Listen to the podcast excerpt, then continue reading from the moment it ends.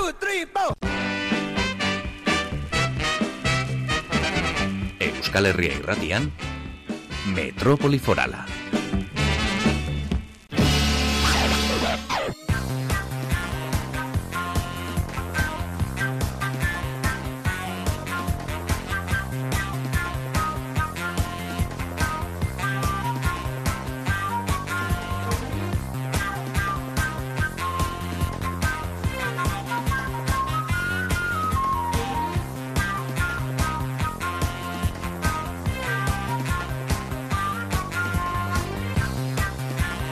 Egun honen zule goizeko bederatziak eta lau minutu direnean Euskal Herria irrateren sintonian segitzen duzu Kontrolean, dena kontrolpean, Igor Eskudero teknikaria egunon. Kaixo egunon, zer moduz? Ongitazu, Ongi, zer ongi, moduz? Ongi nabil.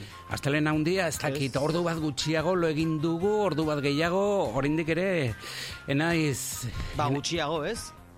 Gutxiago... E, aurreratu denez gutxiago, ez baldin Bai. bazara ordu bete beranduago jeiki. Hori, hori egin nuen Ai, nik. pixka bat hori da el rollo, eh? Hori egin nuen nik, e, loizune amaterek zer egin zuen orduarekin, ordularia, iratzargailua atzeratu, edo igandetan ez dugu jartzen. Egunon, bai, igandetan e, nik badut e, bat sakelakoan e, jarrita, e, aurrez e, programatutakoa, beti asteburuetan badut e, bat bada ez bada ere.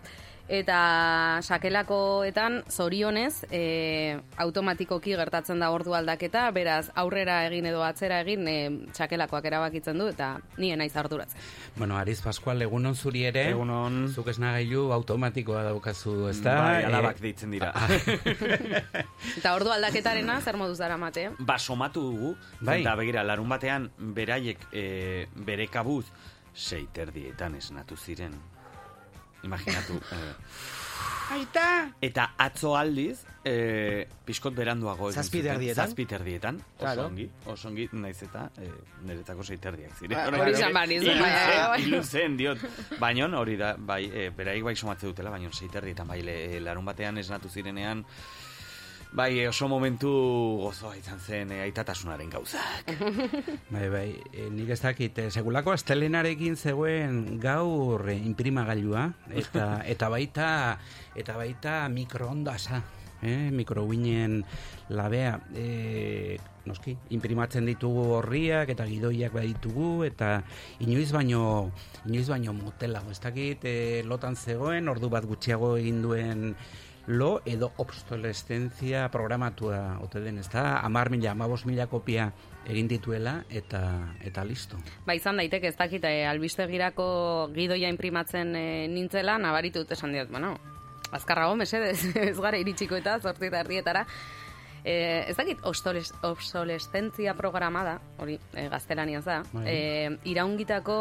Ez, Iraungitze- E, iraungitze programatua. Bai. Hori da. Bai. Ez, e, hori da gure proposamena, iraungitze programatua. Eta mikrowinen labearekin nik uste dut berdin, ezta? E, amabos mila informatibo egin eta gero obsolescentzia e, paskualizatua izan daiteke. Zer esan nahi duzu, hemendik aurrera nire informatiboak, nire albiste kontakizunak. Hori irain Ja, bat da, eh, edo? hori da, hori da. Nik- eh, nik hamabost kontuz, mila- Kontuz, eh, irainak dituzten eh, txantxekin gaur gauean ga, eh, giroa Bai. mugitua egon dela, eh? Bai, bai. Eh, bai, nazioarte maila nolakoekin, bai, bai, bai. Agian Paskoala altxatu eta... Eh, zapla orain altxatuko naiz eta- Mesedez, ez dezagun aipatu. Ez, ez, ez, oso Eh, momentu desatsegina izan delako, bai. Bai. Nik amabos mila magazin egin ditut eta, Bai. eta begira. Eta, bada, eta batzaude ere bai iraungituta, ez? Ze gertatu da gauean? Ez, e, Oskarretan, e, Ah, bai. zera, belerko printzeak, e, os, e, zera, zaplastiko bat eman diola aurkezleari. Eta informazio gehiago nahi duenak egunean zehar jakinen du. Zer? Begiratu dezala beste Be- leku batean. printzearekin. ah, etxorakeriak. Bai, bueno, egin dezagun aurrera. E, atortxu urrok, ez da? Kartela, Mira, eh, kartela. gauzatxo bat, Bai, eh, noski. obsolescentzia aipatu dugula, eh, begiratzen bai, eh, elujarrek beste em, guk iraungitze programatu aipatu dugu, beste adierazpide bat eh, proposatze dute, zaharkitze programatua edo Ah, zaharkitzapen programatua. Zaharkitzapen gustatu zait. Zahar, Zaharkitza- zaharkitze programatua, bai? Za- Bai, bai, bai. Beraz, eh, zaharkitu gara, edo da gure, gure eh, impresora. Eta tintari gabe geratu direnak atortxurrokekoak dira. Bai. Orain aipatu behar zenituela. Bai, e, atortxurrok eta ezautu dugu kartela, ez da? Ostiralak, e, hogeita bederatzi eginen da, eta betiko, lo, betiko lekua... Uztaiak, ez ostiralak. Ez. Ez ostiralak. Ostirala hogeita Bai, bai, bai, pero noizko ostirala. Bai, hori beste gauza Ah, bada. hori ere bai, eh, joko egin martetzen. Bai, noski, hori gure gure Gure informatiboan aipatu dugu, ez? gure entzulek eh, asmatu behar dute kartelean ere ze talde egonen diren asmatu behar Bai. delako, ez da? Hortxe, eh, letra bat falta zaie, eh, Letra bat, uh, bat balitz, Mm, letra bat baino gehiago, noski. eh, Mira, eh, badago bat DJP, DJP jartzen du, orduan nik DJ Pike eh, jarri dut hor. bai, nik ere uste, esan Nik diote, esango igorre. nuke DJ Plan B dela. Nik esan nuke DJ Pike dela. Egonen Eta zara? hortzen era postua. Eh, ezin dute, ezin dute zer esan. Begira, e, bada espada gure entzuleak kokatxe, kokatzeko. Kokatzeko. Kokatzeko. E, atortxu rock hogeita sei, ustaiaren hogeita bederatzi eta hogeita marrean eginen da, Bai. ostiral eta larun batarekin, atarrabian. hori esan dut. Hori da. E, Ia, ia. Zerua elmuga e, izeneko lelopean, eta gaur amaiketan jakinaraziko dute kartela Kartel osoa. osoa. Ze talde egonen diren gaur amaiketan jakinaraziko dute. Baina jolas bat proposatu dute aldez aurretik eta kartela publiko egin dute, sareetan jarri dute, baina em, ba, taldeen izenen izki gehienak ezabatu dituzte. Beraz, jolasa da asmatzea zeintzuk Bai. diren talde horiek. Eta horretan ari ginen orain. Bai, hori da. Hori da. O- Oso ongi azalduta, zenta agian gure entzulek. Bada ez bada ere, albistegian ere aipatu dugu, baina segurazki baten bat Bueno, ba, ba, batzu batzuk ja baituzu. Bi, alenen, Kinilan. bai, e, noski, zenbat izki falta diren ez dakigu, baina badago mm, leku gehiago edo gutxiago bakoitzen, beraz, nolabait iradoki daiteke zenbat Mhm. i- izki falta diren, ez? Eta lehenengoan adibidez zeta bat agertzen da bakarrik, eta nik uste dut zo dela. Zu, E, edo zetak. Edo zetak. edo zet. Ez, baina hor ez da sartzen, ka. Ba, ba, ba, baina urrengo gunean bai sartzen dela zetak, ikusten bauzu zetak. Ah, bai, bira, horretan bai. bai. Asko, di, hogeita, hogeita iru dira Bai, asmatu beharrekoak, eh? bai. Gero, Bera, bigarrena bai. nik uste dut gatibu dela. Bai, Bai, izan daiteke. Esian ere izan daiteke, ez? Esian ere bai Baina, ez. bueno, eh, esianeko ez zuten utzi doz. Baina azken kontzertua, ez, izan Ah, daiteke. bai. Zakit. Ah. Beira, La- eh, polla bitxegin ez- zait, eh, izen osoa azaltzen den eh, talde gutxien artean non serbion dagoela, eta zuzen asteburu honetan non serbionek eh, atera du komunikatu bat ezaten eh, beren eh, kontzertu guztiak bertan bera uzten dituztela, beren abeslaria, eh, ba ez delako ba, bolada... osasun arazoak Osasun arazoak dituelako. Baina, ez- espero dutela hori atortxurrek, atortxurrokera iristea, hori da, baina hori, baina bitxia da, hori da. Bada, Hori, eh, konfirmatuen art- artean markatu loi. Bai. Non Serbion, Roten Amairu, Erdoil, oiek bai badaudela ja beren izen eh, guztia, ez? Eh, jarrita, DJ Pike. The Baboon Show. Bai. Pleura, Pereura. Bai, horrela erreza da, ez? Bai, bai, a- amigo. Stay Thomas, edo ze jartzen du Stay Stay Thomas. Stay Tomás. Señora Ponte. Stay Tomás.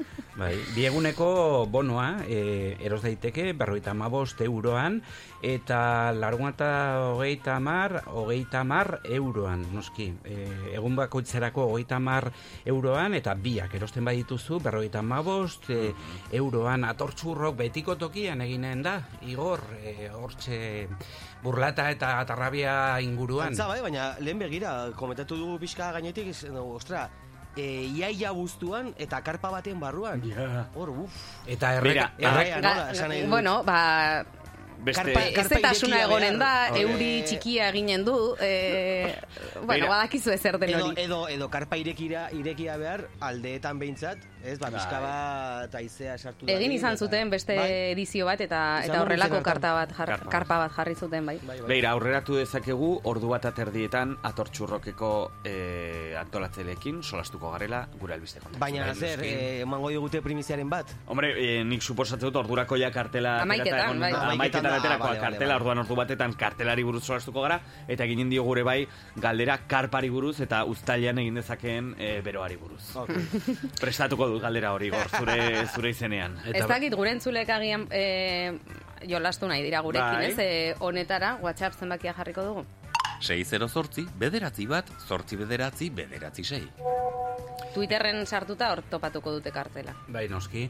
Eta betiko leloa, ez da? Ator, ator, neska mutil, etxera. E, hogeita zeigarren edizioa dute, beraz, bide luzea egin dute gaur egun arte. E, atortxu roki buruz, esan dugun bezalaxe, ordu bat atardietan, itzeinen dugu eta aktualitateaz itzein beharko dugu, nahi baduzue, nondin nora gaur informazioa, albisteak... Bada gaurre astelena da, beraz eh, Nafarroko parlamentuko eledunen maila bilduko da, Eta horren ostean, e, gai politikoak izanen e, ditugu izpide, gaur ere bai esen enpresako langileek e, prentxaurreko emanen dute, bak zu Volkswagenen e, daukate langatazka azken e, asteotan, eta gaur gogoratu koronavirusaren fase berri batean e, sartu garela, hau da, hemendik aurrera, e, koronavirusa daukaten e, pertsonak edo behintzat positiboan duten e, pertsonak e, bida, bizitza normal egin beharko egin alko dute, baldin eta ez baldin badute olako sintoma larririk. Eta baita ere horrek eragina izanen du noski, Nafarroko gobernuak guri egunero helarazten e, dizkigun datuetan, hemendik aurrera astera, asteka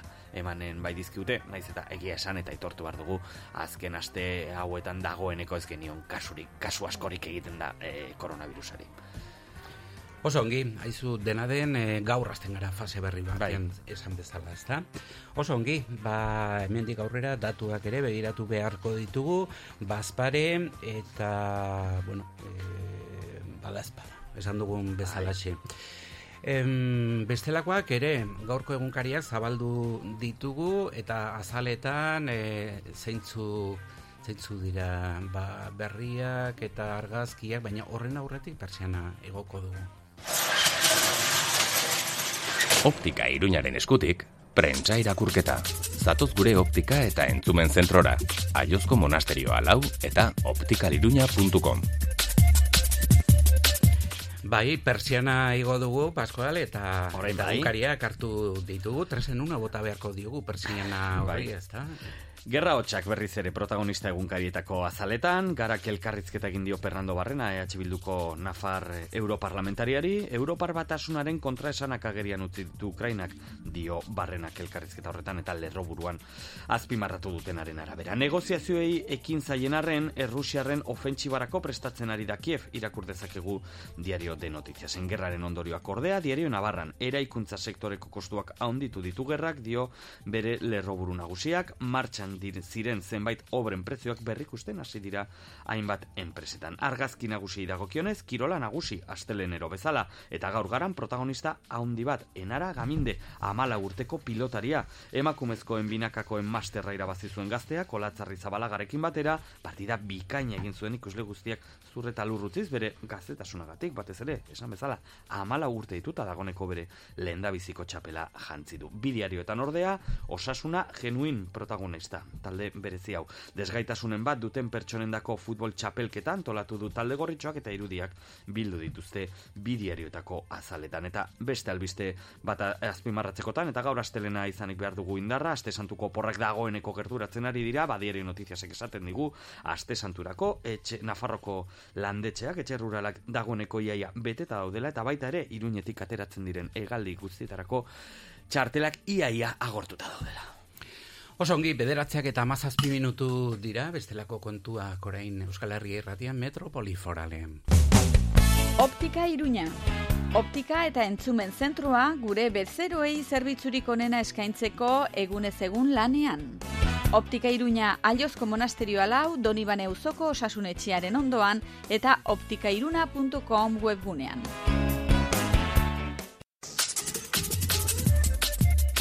Korrikak amurria eta donostia lotuko ditu martxoaren hogeita maikatik aprilaren amarrera.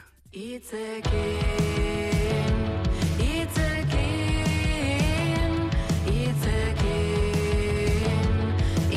Hogeita bigarren korrikaren abestia sustraikolina bersolariak hitzak e, idatzi ditu eta nerea urbizu musikaria komposatu du musika eta nerea urbizuk bera, Ana Garziak eta anarik jarri diote abotsa eta nerea urbizu bera dugu ariaz bestaldean, egun on nerea? Kaixo egun ondenoi. Bueno, zuk eh, komposatu zenuen musika, eh, nola sortu zenuen kanta hau? Uf, oso prozesu luzea iza- izan da, eh?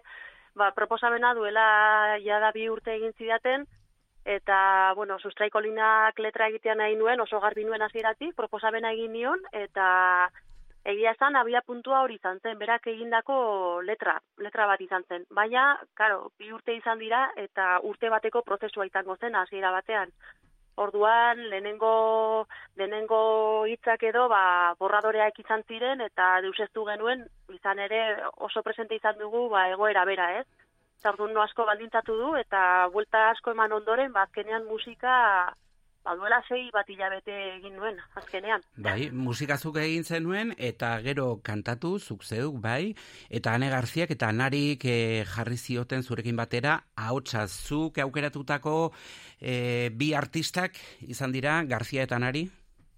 E, bueno, bai, e, Ane Garziarekin e, beste proiektutxo bat egiteko aukera izan nuen, eta, bueno, bere indarra eta bere izaera hori asko gustatu zitzaidan, eta proposamena egin nion hasieratik. Eta gero anarirena berandu xeago etorri zen, ba, banekin beste emakume batek parte hartzen nahi nuela, baino, baino ez niokan garbi besterik, ez? Eta sustraik animatu ninduen esan zian, jo, ba, proposatu anariri, ez? Eta, bueno, nik bota nion inusenteki, eta ez duen espero bere baiezkorik, eh? Baina bai, baiezkoa ematzidan, eta azkenean, ba, iruen artean osatu dugu kantua, bai. Oso ongi, aizu, eta hori eta bideoklipa ere, ez da? E, Eimar uberetagoenak egin du, eta zure hitzetan hainbat historio biltzen dituen film laburra da, zaiguzu? Bai, e, bueno, argi genuen e, bideoklipean e, jende asko nahi genuela, jende mota desberdina, adin desberdina, generazio desberdinak, eta egoera desberdinak, ez? Orain arte korrikako bideotan ez da labur metrairik edo egin, ez? Ez da historia bat ola egon, ez? Eta azkenean ez, jende desberdinak osatzen duen historia horrekin, nahi izan duguna da, ba, e, korrika handi horretan jendea bateratu edo, ez? Ba, korrikak ze indarra duen, nola e, gizarte bat bateratzen duen, e, islatzen duen festa bat dela, ez? Eta pixkat hori islatu nahi izan dugu historia desberdin horiekin. Ba, beti dagola norbait zurekin edo beti dugula jenderen behar hori, ez? Eta korrika dela, ba, hori lortzeko modu politu bat, ez? Eta kanta berezia, kanta polita eta korrikan ibiltzeko modukoa hitz ekin bigarren e, hogeita bigarren korrikaren abestia nerea horbizu mila esker eta nahi duzun arte ongi. Vale, zueri, mila esker. Agur. Aio. Bederatziak eta hogei minutu dira musikaren tartea zabalduko dugu segidan. Izarra tanatorioen eskutik, kantatalka. Itzekin,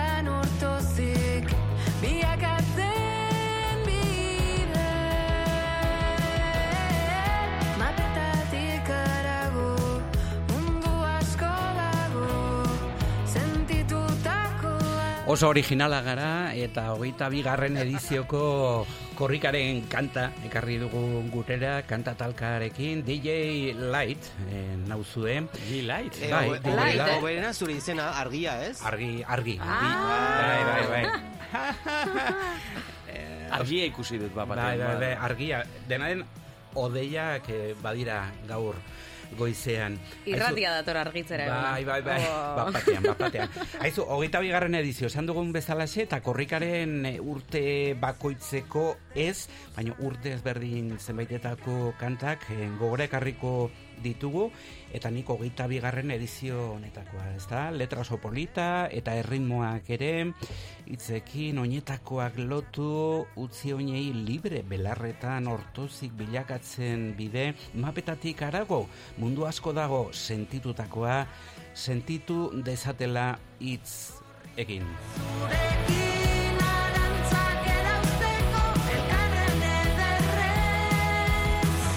Aurtengo abestia gustatzen jata.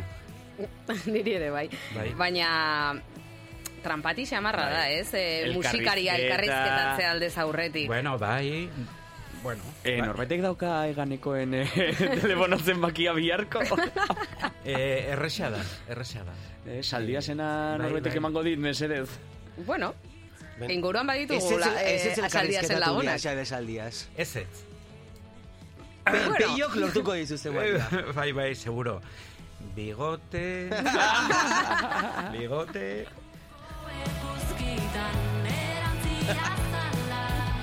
Behin batian, loiolan... Horrela duzu, ez? Behin batian Behin loiolan. batian loiolan, bai.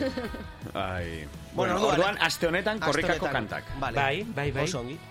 E, botoak emateko moduak e, bi dira, ezta, Twitterren bitartez, Hori ostegunean. bai, eta eta bestea 6 zortzi, bederatzi bat, zortzi bederatzi, bederatzi sei. A ber, altxori karragarriak daude eh, Bai, eh, korrikako bai, bai. aurreko edizioetan. bai, Eta nik ez dakit oberena aukeratu duzu, hombre, berriena bai. Berriena bai, baino. eh, hobeki eh, egituratuta egon daitekeena bestia tal cual eh, dudarik eh, gabe. Baina altxorrik handiena da? Ostras, ba ez dakit, eh?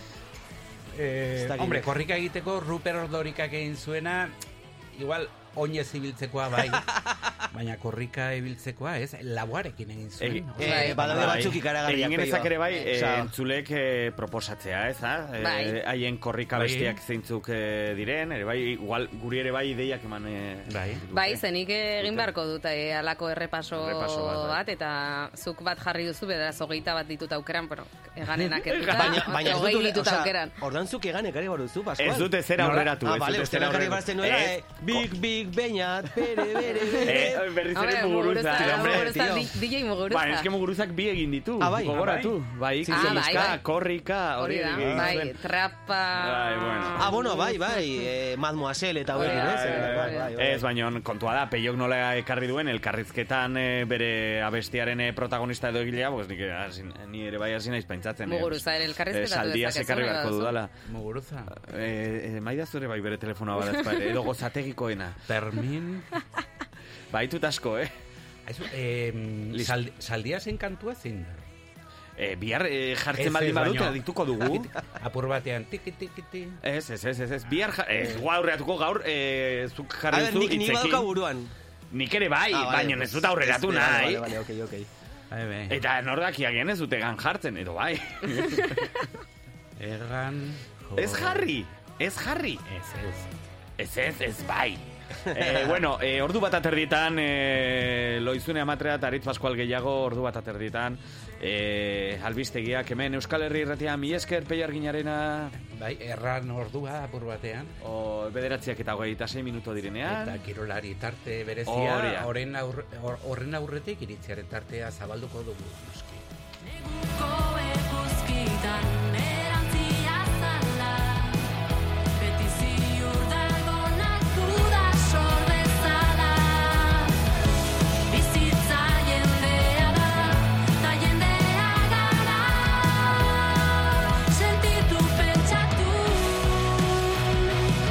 Bederatziak eta hogeita zein minutu dira, iritziaren tartea segidan argazkia. Eta Santi Leone, daukagu gure artean, egunon Santi eta nahi duzunean aurrera. Egunon zuri ere. Hil honetan, martxoak amairu egun zituela, akats ortografikorik gabeko nazioarteko eguna ospatu zen. Aukera aprobetxatuta, baten batek gaztiagatu zigun ortografia asmakizun klasista dela. Ezken uke sobera harritu behar, gure inguru honetan jarriak baikaude horrelako adierazpenetara. Ez da aspaldian, atxeak tontuak eta listuak bereizteko balio duela azaldu zigun pentsolari heterodoxo batek Euskara batuaren kontrako enegarren predikuan. Eta bada, ergatiboa behar bezala erabiltzea letista dela nabarmendu ondotik, Euskara bastarta izeneko zerbait aldarrikatu duena, arrakasta hondiz Twitterreko kritikaren eta publikoaren aldetik. Bitxia da, baina ortografiaren zorroztasun jasangaitza eta oroar hizkuntzaren arauza paltzaile itogarriak salatzen dituztenak dira gero argot akademikoa txalotu edota erabiltzen dutenak. Eta idazten dutenak, adibidez, marko materialista ez androzentrikotik, simbolikoa materialtasun guztiaren dimensio semiotikoa da beti. Zeren, hau batez onarturiko egia unibertsala baita, unibertsitateko izkera akademikoak bere arauak dituela, bat ere elitistak ez direnak, eta baten batek baldintza semiotikoak zertan erikaritzen diren ulertzen ezpadu, ba, bere problema da. baina ikasle bati atxia noiz paratu behar den eta noiz ez gogoratzeko eskatzea opresio nartezina da. Eta eraultzailearen planta eginez, eskolaren gainean kaka gehiago botatzeko aukera paregabea. Mundu honetan narzisismo aski ez, eta batzuk jendeari erraten ari dira zeltasun oro beren kontrako konspirazio personal baten ondorio dela. Ezker berria omen. Izan ongi? Baita zu ere, datorren astelen artea, ongi zan santi. Ozen denok, eman bide Euskal Herria irratiare! Euskal Herria irratia. Inkestagile galdetzen badizute, esan ozenki Euskal Herria irratia entzuten dut eta arronago. Egin dezazun bidea.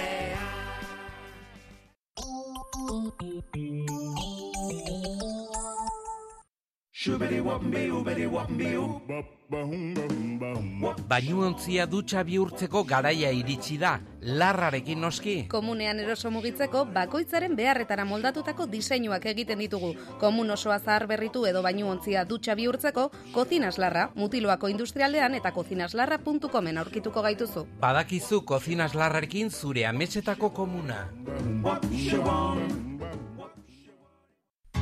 Kirola egitea gustuko duzu? Itxaso karabanak zuretzako diseinatutako kanperrak. Mugarik gabe bidaiatu nahi duzu? Zuretzat diseinatutako autokarabanak eta karabanak. Bidaiatzeko orduan erosotasuna bilatzen baduzu, itxaso karabanak. Eskirozko bigarren eskualde industrialdean, iruñetik bost kilometrora. Hogeita mar urte baino gehiago, bizi eta bizi modu honetaz gozatzen.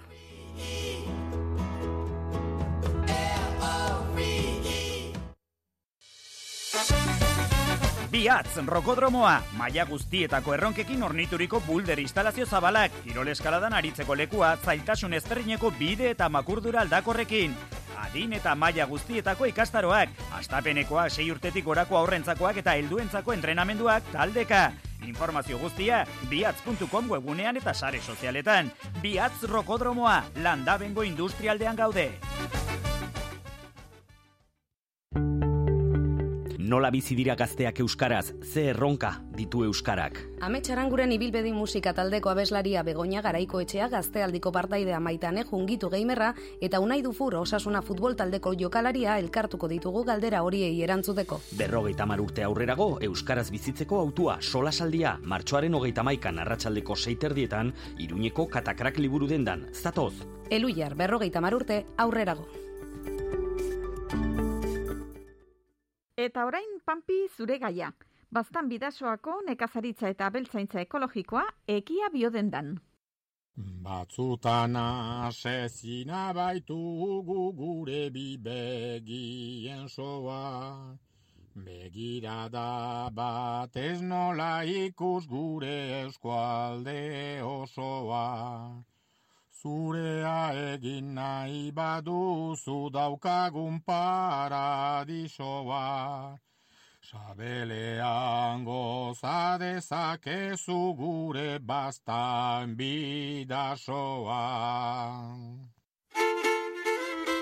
Optika Joaquin Alforja. Kirolean aritzeko betaurreko beresiak txirindularitzan, mendian, eskian edo ur kiroletan. Behar izan ezkero graduatuak eskatu eta kirolaz disfrutatu erosotasun osoz. Optika Joaquin Alforja iruñeko udal plaza bat. Begiz begiko zerbitzua.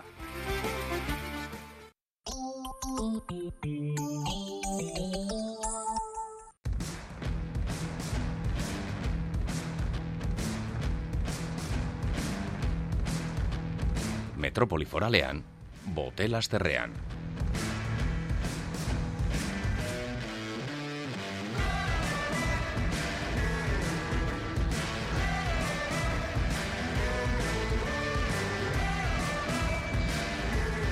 Pilotari buruz, solastuko gara segidan, botela asterrean, bi lagun, astelenero lege, Zabel Barriola, egunon?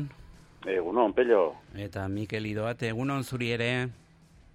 Kaixo, egunon. Eta ezinbestean beti edo egun hauetan begiratzen ari gara, ez da, urrengo finalera, datorren ostegunean ez, e, ostiralean ez, larun batean jokatuko da, pirilak, bi hain zuzen ere, eta eta... zer Iru, iru, apirilak iru gandean, peio. Bai, hori esan behar nizuen, bakizu ze gertatzen den, em, ordua atzeratu, aurreratu dutenetik oso despistatuta nabilera. Or, ordu bat gutxiago egin dugu... Hogeita lau lo- ordu, ez?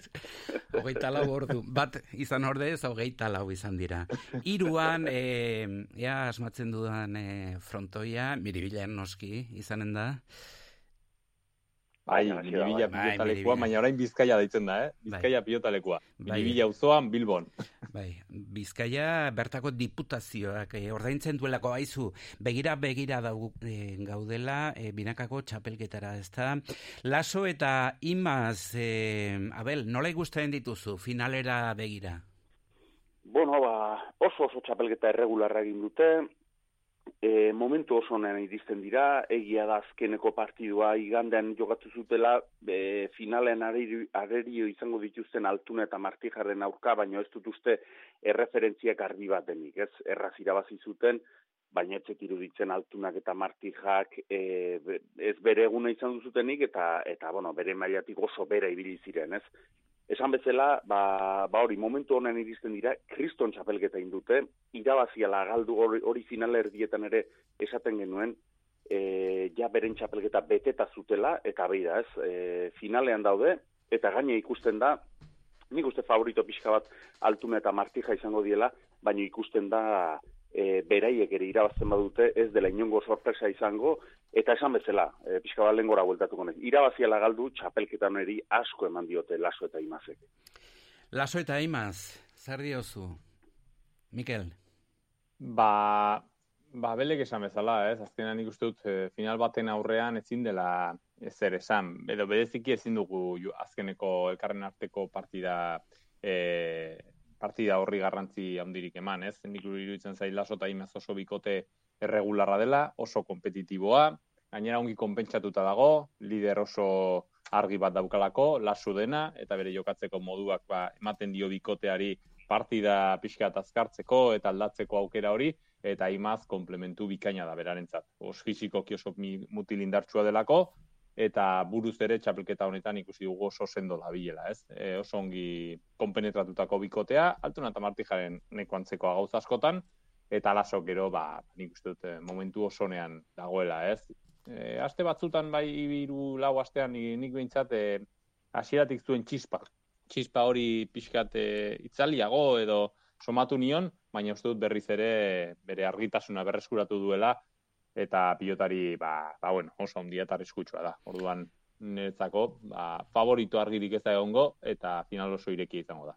Dena den Laso eta Imaz apur batean e, gutxiago, ez da, favorito. Horrek ere lagunduko die, Abel. Bueno, izan liteke, ez? E, bueno, beti badakizu, nik uste pertsonako lagarela ere bai, eta e, batzuetan bat favorito denean, e, ematen du nolabait sartzen zaila irabazi behar hori, ez? Eta irabazi behar hori sekula ez da ona izaten. Bueno, ez zait iruditzen, eh? azkenean, bueno, kirolari profesionala dira, oituta daude batzuetan favorito ateratzen, besteetan esaten den bezala biktima bezala ateratzen, eta, bueno, ez zait iruditzen horreri e, jaramon gehiegi e, eginen dietenik eta ez da erasango dienik onerako edo, edo, bueno, edo txarrerako, ez? E, bueno, nik uste pixka bat favorito direla altuna eta martija, e, bueno, azkeneko partiduan esan bezala, erraz irabazi zuten laso eta imazek. Baina egia da, e, final irekia dela, eta gero e, hor tartean batez ere jokin altuna dagoelako, ez? Berak jokatzen duenen, ia beti dirua bere alde ateratzen da, edo favoritismo hori bere alde ateratzen da. Denok dakigu bere kalitatea, baina gero ere badu hortaz aparte zen berezi bat. Ez dakit zer den, pello, ez dakit eh, ze, ze deskribapen duen edo nahi duzuna, baina batzuetan futbolean gertatzen da Real Madrilekin adibidez, ez? Bueno, e, ongi dago, edo ez dago ongi, bino pin, pan, eh, minuto 91, penalti, penalti injusto ze irabazi, ez? Esaten den bezala. Eta jokine badu hori, ba, ba, bueno, irabazteko zen hori, ez? Hogeita bira askotan iristen da, eta horrek nik ustea, em, bueno, pilota zelari nolabateko plus bat ematen diola, eta iruditzen horrexegatik bakarrik aterako dela, ba, ba, bueno, dirua beraien alde, eta horrexegatik izango direla favorito pixka bat altuna eta martija. Altuna eta Martija, idate, nola ikusten dituzu? Ba, ongi ikusten ditut. nik uste dut oso bikote, balaso eta imazen antzeko bikote osatzen dutela, baina egia da, hor altuna dagoela, altuna irabazle amorratua da, beti ongi erabakitzen du presio uneetan, eta horregatik dira favorito, ez? Baina, uf, ez dakit, e, gainera Bilbo bezalako pilotaleku batean, partia nahiko gogorra antzematen dut, e, atzelariak ez dutelako hautsiko, aurrelariak e, asko sartuko direlako jokoan, eta eta lasok badu, ba bueno, kapazitatea ere partida hori pixkat e, arindu eta eta aldatu alizateko, baina egia da altunak partida behar duenera, berdin dio ze txapelketa den, berdin dio zer nolako partida, berdin dio ze arerio, beti ongi moldatzen dela eta beti ongi erabakitzen duela, ez? Eta horrelako partida, e, ba, bueno, tensionatuetan, ba, horrek asko ematen du. Eta agian pixa favoritu izan daitezke bai, baina zai izango da antzematen. Gero beste faktore bat ere egon daiteke agian jokoan, ez? Eta imazen lehenengo finala da. Egia daia aspaldi danik, lehen mailako pilotariek, e, oso ongi eratzuten dutela final guztietara, ez? Eta ongi jokatzen dutela. Baina gila da, imaz ere odolberoko pilotaria dela, bere lehenengo finala izango da, asko kostako da ni tanto bakoitza egitea, eta agian partidaren hasieran altuna eta martija saiatuko dira egoera hori probesten. Agian bizkat urduri, tensionatua, iteten bada imaz, hor, eh, ba, bueno, abantaia txiki hartu dezakete, eta haien alde ba, bizkat probestu, baina, baina zakit. Oso partida esate dizut eske azkenean antzematekoa zer nolako joko ikusi dugu nahiko erraza, baina markagailuei begiratuta irebitzen zait nahiko zai izango dela. Aizu, e, Abel, atzetik e, gara, e, geratzen badira partiduan zehar, e, etzaiz iruditzen altunak e, ez dakit e, bera jo dezakela errexago eta lasok eta imazek ez intensitatea galdu edo bai, duzu, bai, edo ez dakit apur batean morala jetxi, ez da? Bueno, ez dut uste, bak zergatik, azkenean nik uste partioak eta partioa daudela. Eta azkenean e, beti pilotaria goita bira iristera ateratzen da, irabaztera ateratzen dela, bat bere egin beharra hori delako, eta bestetik barrutik ateratzen zaiolako.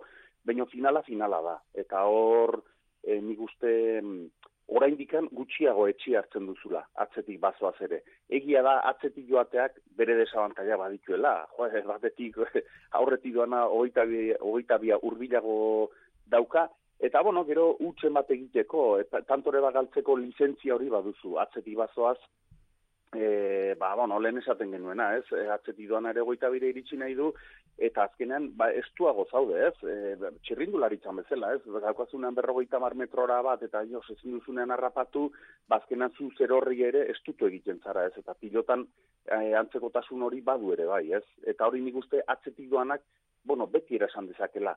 Baina bestalde batetik Mikelek esan duena. Bueno, hau ja kirol profesionala da, e, e, egoera hoietara e, oitxuta daude pilotariak, egin batean, e, esat, erderaz esaten den bezala, habito bat da, eta, eta bueno, nik uste, bat joan edo beste joan e, atzetik ez diela erasango. Beste gauza bat da, bueno, azten bada partidua amabi eta bateko batekin. Horri, horreri buelta ematea oso zaila da, eta animikoki buelta ematea horreri ere e, zaila da. Espero dezagun horrelakorik ez gertatzea, eta ez iruditzen ere. Asteburu honetan, txapelketako partidurik ez, eh, dena esana dago, eta urrengo igandean, izan da finale, e, aizu, e, ikusi duguna bai, Dario, ke gainditu duela buruz burukorako azpe enpresaren bigarren atarikoa, ez da?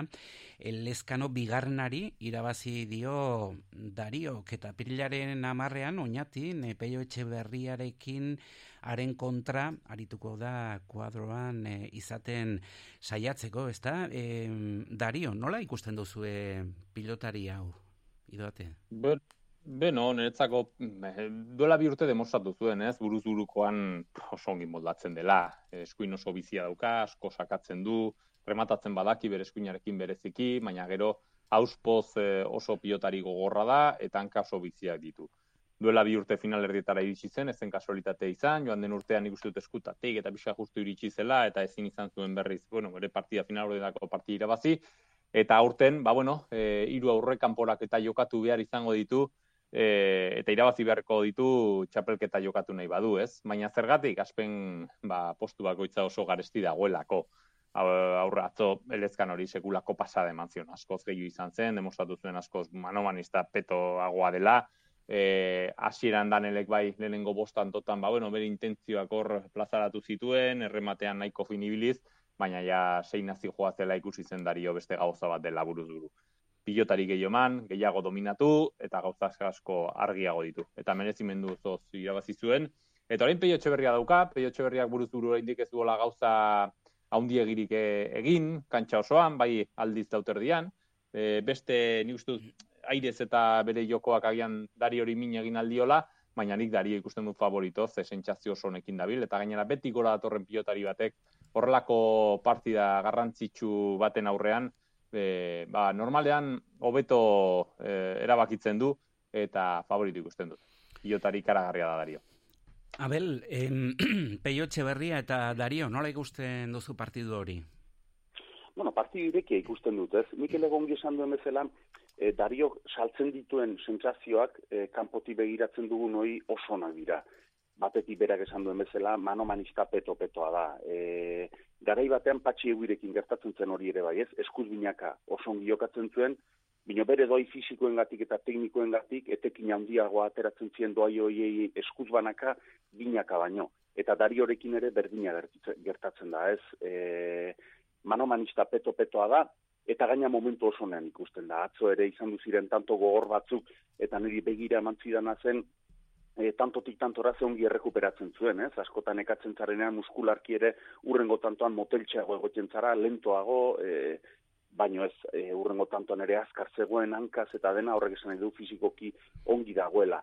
Bi partidu jokatuta dator, eta horregatik, e, nik uste pixka bat favorito dario izango dela. Ze eskuz banaka, e, askotan, e, e, partidu bat edo pare bat aurretik jokatu badituzu, nolabait, e, askatuago ateratzen zara, e, kantxara, e, rodatuagoa, esaten den bezala, eta horrek azkenan e, balio izaten du.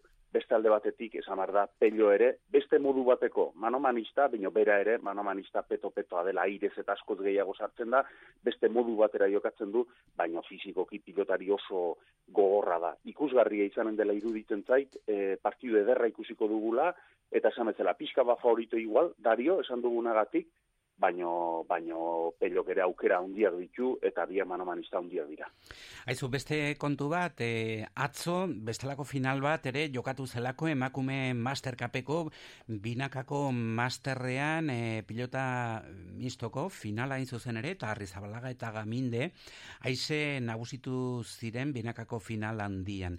Hiru eta hogeita bi irabazi baitzuten, eta honekin lotuta ipatu nahi nuke zuekin, ez da? E, emakumezkoen pilotak gora eta gora egiten duela, ez da? Azken urteotan idoate. Bai, bai, zalantzarik ez dago, ez? Azkenean pilota emakumezkoen pilota beste kirol batzuk bezala emakumezkoetan ba bat e, ba bueno, e, bazirudien ezinezkoa zela e, emakumezkoak eskupilotan jokatzea. Nik behintzat gogoratzen dut, ez? 14 urterekin eta emakume desente zeudela gure klubean eta pilotan jokatzen eta 14 urterekin normalean palara pasatzen ziren gehienak. Orain, ba nik uste dute, bueno, e, o, txapelketa honek eta e, egiten ari diren antolakuntza onari esker, leia, leio hori ireki dela beraientzat, ez? E, antolakuntza bikaina egite dute, telebistaz botatze dute, eta hain dauden pilotariak, nik uste dut pixkanaka pixkanaka ari direla bere maila asko betzen, eta garrantzitsuena zera da. Azkenean gaur egun dauden gaztetxoei, e, ba, bueno, aukera hori ematea, ez? E, esaten ari diete, eta esaten ari gara, ba, bueno, haizu, pilotari profesional izan nahi duzu, batetik, pilota eskuz pilotan jokatu alduzu nahi duzun arte, eta bigarrenik, e, agian etorkizunean izango duzu honetaz bizitzeko ere aukera.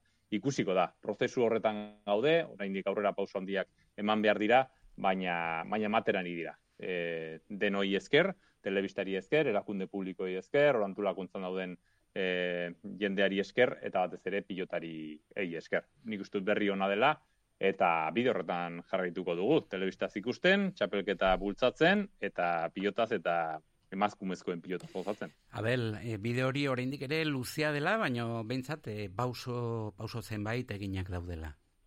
Bai, pausoak aurrera ematen dira, eta nik uste dena positiboa dela, eta dena poz, e, pozgarria dela, eta horren adibidea atzo izan ziren finalak ere bai, ez?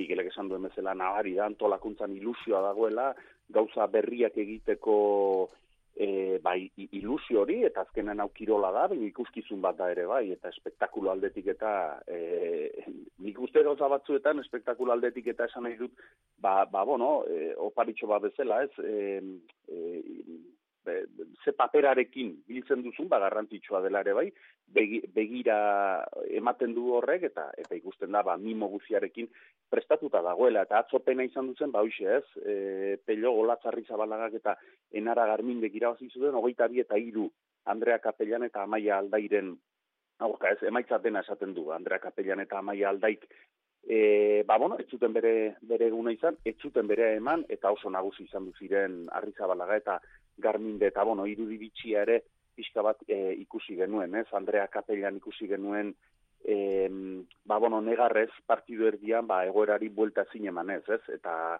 bueno, ba, hori da pilota, ez? Pilota polita da, zoragarria da, baina, baina, bueno, kirolean ere, ba, momentu batzuetan, e, gaizki pasatzen da eta eta bueno, eta momentu txarrak ere izaten dira eta bueno, hori kako txartean azkenan ere e, polita da, ez? Esan nahi du, ba, ba bueno, sentitzen duzula, e, bizitzen dutela e, pilotariek kasu honetan neskek kirolau eta eta bueno, eta horregatikan egingo du aurrera, aurrera egiten badu. Oso ongi, ba, gogoratu dezagun beste behin, igandean e, finala Bizkaia pilotalekuan izanen dela. E, ez dakit Angelusa edo izanen ote den amabitan, arratzaldez izanen da segurazki, Abel Barriola Mikel Ido baten nahi duzuen arte ongi izan. Eskerrik asko, pello. Agur. iratzargailua itzali, kafea prestatu, eta Euskal Herria irratia.eus, Iruñerriko Euskaldunon agerkaria. Une oro gaurkotua, Iruñerria, entzun, ikusi, gozatu, Euskal Herria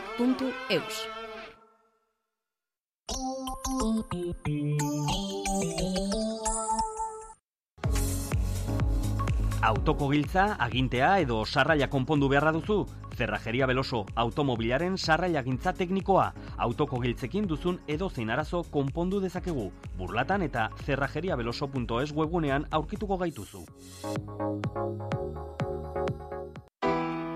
Mundu Karrikirik hogeita bost urte, maiatzaren zazpian larun bata arratsaldeko zortzietan, baluarteko kamara aretoan, anari. Sarrerak, irubebikoitz, baluarte.comen. Agendari buruzko informazio guztia, irubebikoitz, karrikiri.eus atarian. Antzokia kulturelkartea, Iruñeko udala, Nafarroako gobernua eta Eusko jaurlaritzaren laguntzarekin. Karrikiri, Iruñeko Euskaldunon topagunea, Xavier Karrikalau.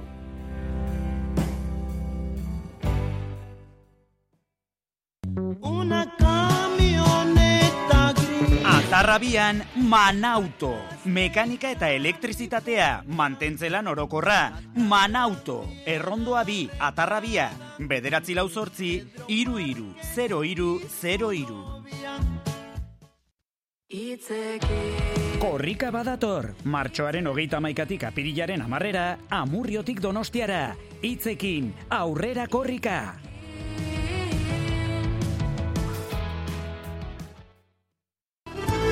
Erroibar eta eugirako bidean gautxori ostatu jatetxea. Bertako sukaldaritza eta tratu atsegina. Informazioa eta erreserbak bederatzi lau sortzi, iru zero lau zero zazpi sei telefono zenbakian edota ostalgautxori.comen. Gautxori ostatu jatetxea zubirin gaude.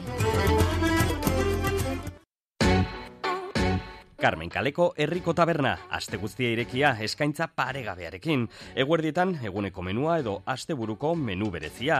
Gauetan karta zabala, entxaladak, bokatak, hamburguesak eta razioak.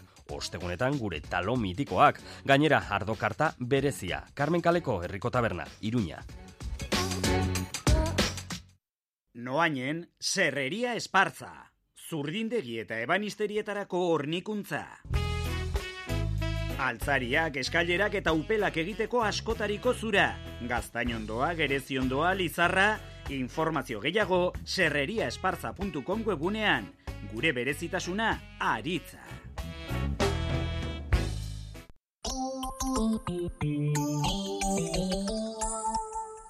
Metropoli txikilin. Osasunaren jarraipena jaben aseguruen eskutik. Amaikako gorria, azte auzardia, bere koloren alde borrokalaria, jarraitzailek kementxu oiukatzen diote, osasuna, aurrera, zuzara berena. Futboleko liga txapelketan pasaden asteburuan zadarren osasunak ez zuen inoren kontra jokatu. Josu Anuza, egunon? Egunon, peio. Beraz, punturik ez. Punturik ez, baina bueno, arerioek ere ez zuten punturik batu. Beraz, notizia ona. Ez zuen galdu eta ez zuen irabazi ez dugulako behar, hain zuzen ere. Hori da, hori da, bai, beharra zutenen e, bueno, neskak ziren eta irabazi zuten eta berriro liga estutu dute eta ezinezkoa zirudiena, bagian lortzeko aukera izanen dute, izan ere neskak orain, ba, e, lehenengo selkatutik puntu, bi puntura daude, puntu bakarrera, eta hor, bueno, sei talde daude hor pilatuta, eta edo zeinek lortu dezake liga txapeldun izatea, eta lehenengo mailara igotzea. Orain dik ere, zema jardunaldi geratzen dira, nesken ligan? Nesken, nesketan nes, okeres banago sei sortzi jardunaldi geratzen dira. Eta gizonezkoetan, e, sei, beste sei, sortzi ere? E, bai, bai, beste, beste horren beste. Bai, e, bueno, esan daiteke beraz, e, hogeita lau puntu jokoan oraindik ere, eta bi punturekin osasunak askiluke ez da, matematikoki gutxi gora bera, dagoeneko segurtzatzeko lehenengo mailean egotea. Bai, hala da, e, aurten bazirudien, e, agian hasiera batean zailagoa izango zela salvazioa lortzea, azkenean e, beko taldeek ere dute punturik urratu, eta osasunaren denboraldia gris xamarra iruditzen ari zaigun arren, en realitatea da, ba, Jagoba entrenatzaile denetik, ba, momentuz, e, denboraliaren momentu honetan, bainoz baino puntu gehiago dituztela gorritxoek, orduan zergatik ez e, agian baurratu e, lehen urtean lortu zituzten e, berrogeita mabi puntu horien langa. Iruditzen zaizu, e, orain arteko partiduak eta neko grisak izan direla, oroar? Beno, e, partidu borobilak ikusi ditugu, baina egia da hor, e, bueno, sortzi amar partidu eman zituztela irabazi gabe gorritxoek, eta eta hor, bueno, aukera galdutzat, ez, ikusi, ikusten dela orain, ba, gian e, zergatik ez, ba, Europara begira jartzeko, errealitatea da ere, ba, horre, liga, e, zakit nola baite, iru multzotan, ez, banatzen dela, ba daude e, zera pues el lenen dabiziko hiruen artean geldituko gelditu ohi diren taldeak e, Real Madrid, Atlético Madrid eta Barcelona, Sevilla ere agian multzo horretan jasatu genezake, beraz lau talde. Gero baude beste hiru talde nahiko indartsuak, e, Villarreal, Betis eta Reala, Real Sociedad eta gero ja gainontzeko taldeak daude. Egia da jisteko postuetan daudenak, ba urten ere moraldi grisa marragin dutela, baina iaz Levante adibidez, elkapenaren erdian geratu zen. Beraz, bueno, eh denboraldi grisa, nik uste dute perspektibarekin begiratzen badugu ez ez, noren kontra lehiatzen ari diren. Amaika garren, daude gorritxoak, eta nik uste dut hori ba, posizio ezin hobea, ezin hobea dela. Baina, egia da, ba, mar partidu irabazi gabe eman ondoren, ba, pentsatzen baduzu goietatik ezakite, bos puntu urratuta, agian ba, beste ikuspegi batekin egongo inatekela orain begiratzen liga. Beraz, UEFA begira ez kara jarriko ez oso, oso zaila da momentu honetan e, postoiek lortzea esan nahi dut e, osasunako berro, berrogeita hogeita mesortzi puntu ditu bilarrealek berrogeita bost eta errealak berrogeita sortzi. Horregongo dira ez e, UEFA edo Conference League amar puntuko tartea ba, be sortzi bederatzi partidu falta direnean, nik uste, bueno, ba, gaindi ezina edo eskura ezina dela, ez, e, tarte hori, ba, ba, tarte horri buelta ematea, baina e, futbola da eta zer gerta daiteke ere. Aizu, eta azken egunotan, azken asteotan, osasunak bere mm, bi ardatz nagusiei eutxi die, batetik jagoba, mhm. eta bestetik tximi abila. Zaizu iruditzen, bi horiek lotuta e, urrengo urterako e, bueno, apur batean oinarri bat e, segurtatu duela talde gorritxoak. Bai, zalantzari gabe, zen urtetarako proiektuaren ardatza eiago bai izango da, e, aipatzen genuen eta Juan Cruzekin ere komentatu izan dugu tarteka, nola e, ziklo aldaketa, ez, e, ziklo aldaketa baten beharra zegoela ikusten genuela, eta normalen ziklo aldaketak futbolean entrenatzaia aldatuta etortzen dira, baina badirudiena da, ba, ziklo aldaketa jokalariak aldatuta etorriko dela, eta, bueno, e, hor, pisu handiko jokalariak izan direnak, besteak beste, Oier, Roberto Torres edo Inigo Perez, ba, bigarren lerroa pasa dira, eta ziurrenik helduen urtean ez ditugu et, sadarren ikusiko, ez da taxoaren ere. Oso ongi, ba, mi esker honiz gurekin izateagatik, e, Josu, eta nahi duzun arte, ongi zan? Bai, gero arte, peio, agur. Gero arte, bai. Jabe gara lan handia egin duzu daukazuna lortzeko. Mantentzen lagunduko dizugu. Jaben aseguruak akaso gutxiago merezi duzu? Jaben aseguruak Serafin Olabe amalogarrenean aurkituko gaituzu.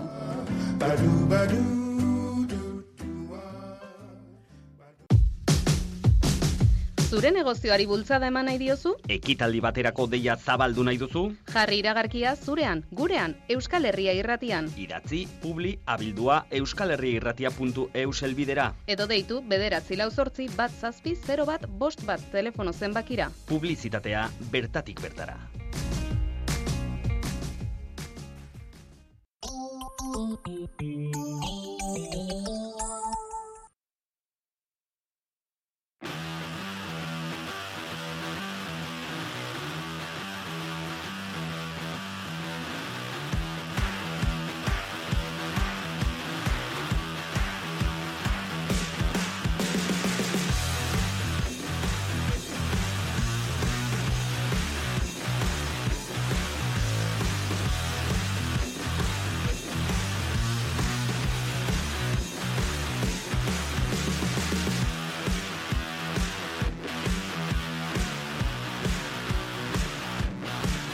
Euskal Herria Irratia, FM, laragoita emezortzi puntu iru.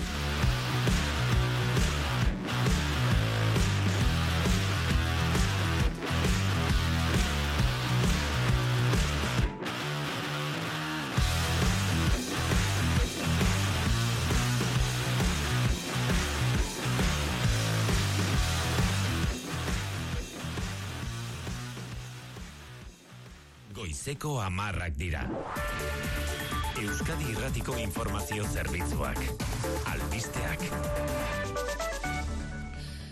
Egun guztioi, Ukrainaren inbasioaren ondorioz energiaren eta erregaien prezioan gertatu den gorakada ikusgarria baldentzatzen ari da gure bizimodua arlo askotan horregatik ikusmina handia piztu du Pedro Sánchez.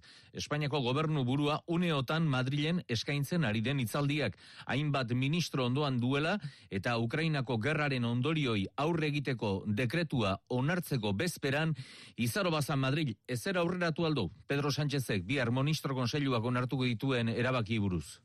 Ba, oraindik ez, Pedro Sánchez presidenteak esan duzu, bihar ministro kontzilian onartuko diren neurrietako batzuk iragorri omengo ditu orain itzali honetan, baina momentu ez hiru montzuta manatu edo zatituko omen dira neurriak, hori da bintzat hainbete edabidek aurreratzen dutena neurri energetikoak, lan arlokoak eta gizak arlokoak izan dira. Pandemiaren gogorrenean, indarrean egoziren neurrietako batzuk, berreskuratu iltezia neurriak unidas Podemoseko gobernu kidekin adostutakoak dira, gogoratu besta politikoak ere harremanetan egon egon dela gobernua neurri Ez da konexio hori behar dugun bezaien besteko kalitatezkoa, kalitatekoa, baina e, izaro bazak lankideak gaurreratu digunez, Unidas Podemosekin dagoeneko izartuta ditu e, Pedro Sánchez e, gobernu presidenteak bihar ministro konseiluan onartuko dituzten laguntzak, esan bezala, hiru arlotan, ba eta ba une batetik bestera hasiko den itzaldi horren xetasun gehiago espero dugu goizeko amaiketako albistegian jakitea. Espainiako gobernuak hartuko dituen erabakien zain petrolioa merkatu eginda gaurko enkantean brenteko petrolioaren prezio euneko iruko zazpi merkeago da gaur eunda amasei, amasei dolarretara jeitsi da brent upelaren sal neurria ostira lamaieran eunda hogei dolarreko prezioan itxizuen eguna argindarraren prezio aldiz, igo egingo da, berreunda hogei tamar euro balio izatere iritsiko da gaur orduko megabat ordua euneko boskoma sei garestitu eta gero. Hirugarren astea da ego Euskal Herriko eta Espainiako garraiolarien greban, Olaberria eta Irun arteko bidea egingo dute arratsaldean hiru sindikatuko kamioizalek protesta gisa Olaberria eta Irun arteko joan etorria egingo dute arratsaldeko lauretan hasita. Goizean, Santurtziko portuan elkartu dira, kamioien sartu irteera eragutzi nahirik, baina Santurtziko portuan piketeko purua eta protesta bera ere gutxitzen joan da, itxaso guridi, lankidea dugu bertan, konta iguzu itxaso? Bai, gero eta pikete gutxiago geratzen da hemen portuaren, portuaren sarreran, orain momentuan amar bat lagun daude pikete lanetan eta hauen inguruan ertzaintzak, ertzaintzaren hiru furgoneta ere portuaren sarreran daude kokatuak. Piketeek portura sartu eta irteten diren beste garraiolariei garrasi egiten diete. Garrasi edo oiuak bai, baina tentsio unerik ez momentu hemen portuan. Grebari dagokionez, hiru sindikatuko zuzendaritzak jakinarazi du gehiengo zabalak grebarekin aurrera jarraitzea erabaki duela eta gogor kritikatu du pasaden astean Monkloak eta garraiolarien elkarte nagusiek egindako akordioa. Garraiolari autonomoak bazterrean utzi dituztela azpimarratuz. Tradisnarentzat ere oso eskasa da aurreko asteko akordioa. Ukrainan berriz erresuma batuko armadaren arabera, Errusiak Mariupol hiriaren hegoaldearen zatirik handiena bereganatuta dauka, eta Errusiako armada Mariupolgo portuaz jabetzeko ahalegin betean ari dela jakinarazi du eta borroka gogorrak izaten ari direla bertan bi aldeen artean. Borrokak eta erasoak amaitu ezpadira ere negoziazioa ez dute eten eta gaur gainera Turkiaren bitartekaritzaz elkartuko dira Ukraina eta Errusiako ordezkaritzak Ukraina Mikel Aiestaran. Errusiaren eta Ukrainaren arteko negoziazioa Bielorrusiako mugatik Turkiara mugituko da aste honetan eta hor e, izango dira bilerak hemendik aurrera. Elkarrezketa honi esker, esateko, e, pasabide humanitarioak irekitzea lortu da e, azken hilabetean, baina oraindik e, elkarrezketa hauek ez dute lortu kiebek duen helburu nagusia, hau da, behin-behineko zuetena. E, beste behin ere ikusten duguna da e, Recep Tayyip Erdogan, Turkiako presidentea, ba hasieratik e, egon dela bitartekari bezala eta nolabait nahi du indartu Turkiak duen irudia, irudi diplomatikoa, ba gatazka hau konpontzeko. Errebide sare nagusian ez dago trafikoarentzat eragozpenik segurtasun sailak esan digunez. Euskalmeten iragarpenaren arabera, temperatura epela izango dugu gaur ere egun osoan, baina goizean giro egonkorra izango badugu ere, Orduek aurrera egin alaz, zerua erdi eta goi mailako odeiz betetzen ikusiko dugu, hegoaldetik hasi eta itxasartzean ondoren, eta hego ekialdeko aizea zakartuko da, ateri utziko di ordea egun osoan. Goizego amaiketan izango da hurrengo albiste mankizun hemen, Euskadi irratian eta interneten albisteak beti eskura eitb.eu satarian. EITB Zure komunikazio taldea Euskal Herria irratia, FM, laragoita emezortzi puntu iru.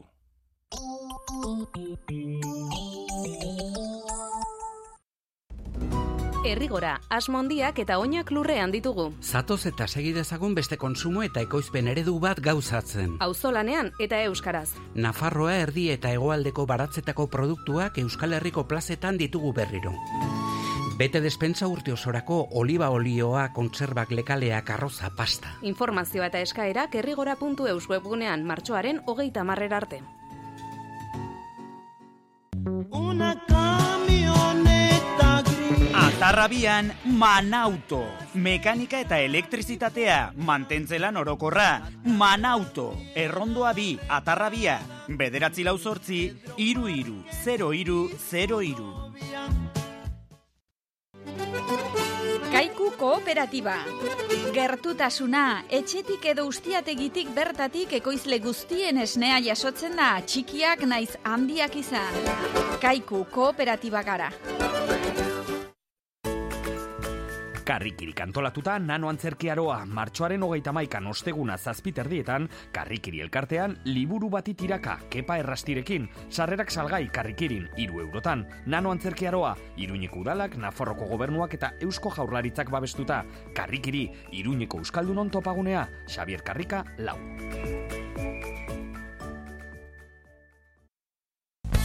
Orain zerbitzu berria, telemedikuntza teknologiarik aurreratuena zure eskura. Erretinaren patologiak prebenitzeko begia aztertzen dugu, baina orain begininia dilatatzeko tanten beharri gabe, azterketa pertsonalizatua. Optika Iruña, Aiozko Monasterioa lau, Donibane auzoan eta optikairuna.com webgunean. Gero eta gertuago gaude rural kutxan. Garrantzitsua da elkarrekin azten eta aurrera egiten jarraitzea. Amets egiteari ez usteko, betikoak izaten jarraitzen dugu. Horregatik, gertu egotea gustatzen zaigu. Beti.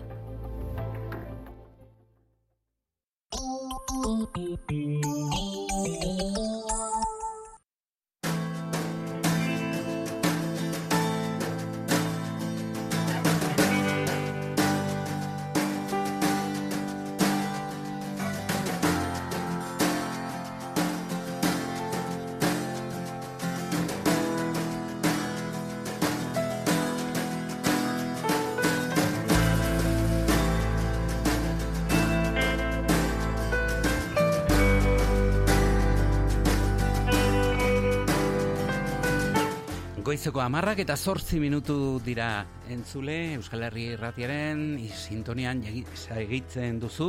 Metropoli forala zeharkatzen beste ordu batez jarraituko dugu goizeko magazina zurean. Gurean lehenik eta behin iritziaren tartea zabalduko dugu. Metropoli foralean, minutu bateko manifestua. Euskara teknikari Xabi Lasa, egunon eta nahi duzunean aurrera. Egunon bai, azken asteotan COVIDaren pandemia ofizialki gainditutzat hartzeko neurriak iragartzen ari dira gurean. Dagoeneko ez dugu kaletik ibili behar aurpegia musukoaz estalita, eta edaritegi eta dantzalekuetara sar gaitezke jende kopuraren mugari begiratu gabe.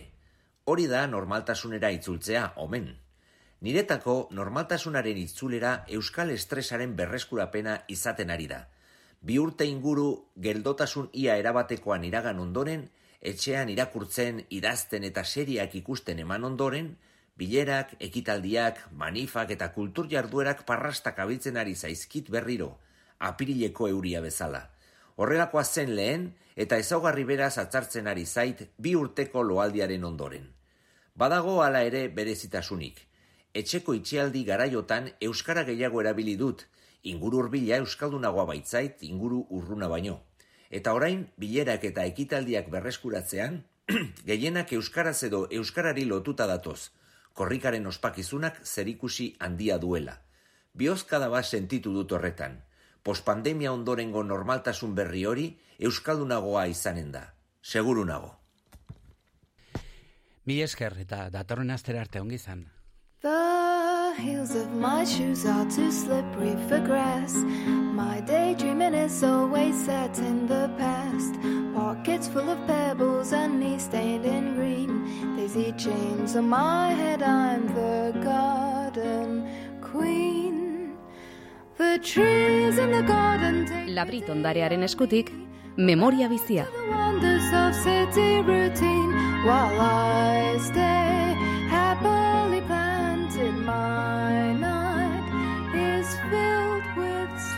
Ahozko memoria bizia, gaur e, izen horrekin e, Euskal Herria irratian tarte berezia, aurretik ere egin ditugu beste zenbait, Labirit ondarea etxea kultur ondare immaterialaren alorrean egiten du lan, hainbat herritarren oroitzapena gogo eta grabatzen dituzte bideoaren bitartez.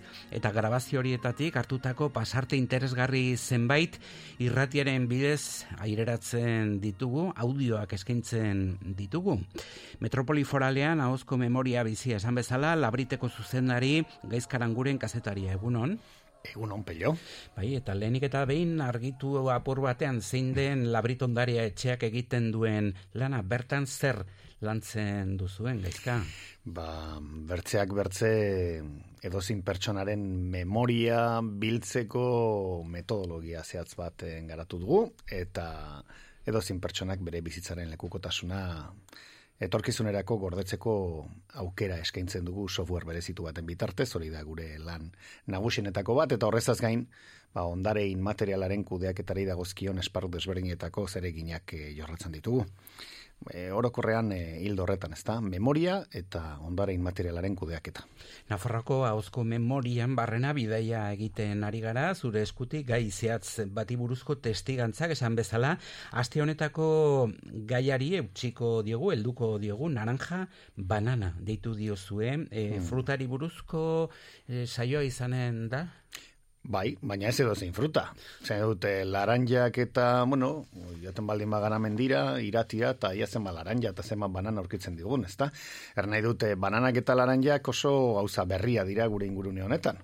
Guretzat eh, sortu ginenetik daude, baina eta gure gurasoentzat behar bada ere bai, baina gure aitatxe amatxi zirenentzat, ba, ziurraski aur tzaroan ezagututako frutak dira, ezta? Haietako batzuendako behintzat, eta zer erranik ez gure birra matxita birraita txirentzat, ez? Haietako batzuek ez zituzten ezagutuko ere. Nigo gogan daukat, eta hemen ekarri ditugun legugotasunetatik aparte, azpimarratu nahi nuen, aipamentxoren bat ere entzuna niola, e, zera, ultzamako bentetan, belateko mendate horretan, e, lehen aldikotz laranja bat e, ikusi zuen e, pertsonaren lekugotasuna, ez?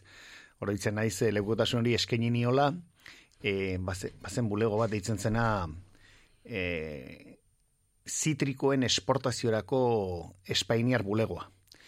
Eta, pff, alako, bakizu, burutazio bat erran, ba, hau interesatuko zai horrelako gauzak, eta, eta ditu nien, eta bai, izugarriziko interesa zeukaten, hau bimila eta bederatzi, bimila eta margarren urtea zen, eta rantziaten, ba, bai, beste duela bost urte ditu izan bazen uzora garri, baina krisi, krisi betean ziren, bimila eta bederatzi horretan, eta berain interesa bere horretan gelditu zen, baina, e, ultzamako bendetan lekukotasuna eman zuen pertsona horrek adierazten zuen, etzekila nondik hasi laran jarekin, ez? Azalaian berrote zen ala, ez? E, nola moztu berrote zuen? Ba, antzeko zerbait nik uste dut gertatu zeigu laguri beste fruta batekin. Norekin? Zerekin? Kiwiarekin. Ah, bai? Kiwia aurtzaroan ez geneukan kiwirik, ez, iruñan. Ez geneukan. Eta ni oroitzen naiz eta aitzortuko dut. Lehenengo kiwia eskutan izan nuenean, bere horretan oskada eman nion. Egitan? E, azkala, azala eta guzi erran nahi dut, bai, eta irutu zitzaidan hori etzala horlaian garria, ezta? Gero ikusi ikasi nuen, bai, azala kendu inberzitzaio, la etzala sagarra bezala. Bueno, e, gaur laranjak eta eta bestelakoak izanen ditu protagonista, lehenik eta behin, zugarra murdi, aldera, joko dugu e, Dolores Irazoki, gure protagonista. Bai, bueno, aipatu dugu, behar duela, bizpairu belaunaldien tarako, ba, laranjak eta bananak ez ezagunak zirela, Dolores egiadanik ezagutzen zituen, baina garestiak ziren oso, oso garestiak ziren, eta ba, joaten omen ziren, e, ja, bueno, erdi ustelduta edo galduta zeuden e, laranjak botatzen zituzten tokira, ia baten bat berreskura ote zezaketen.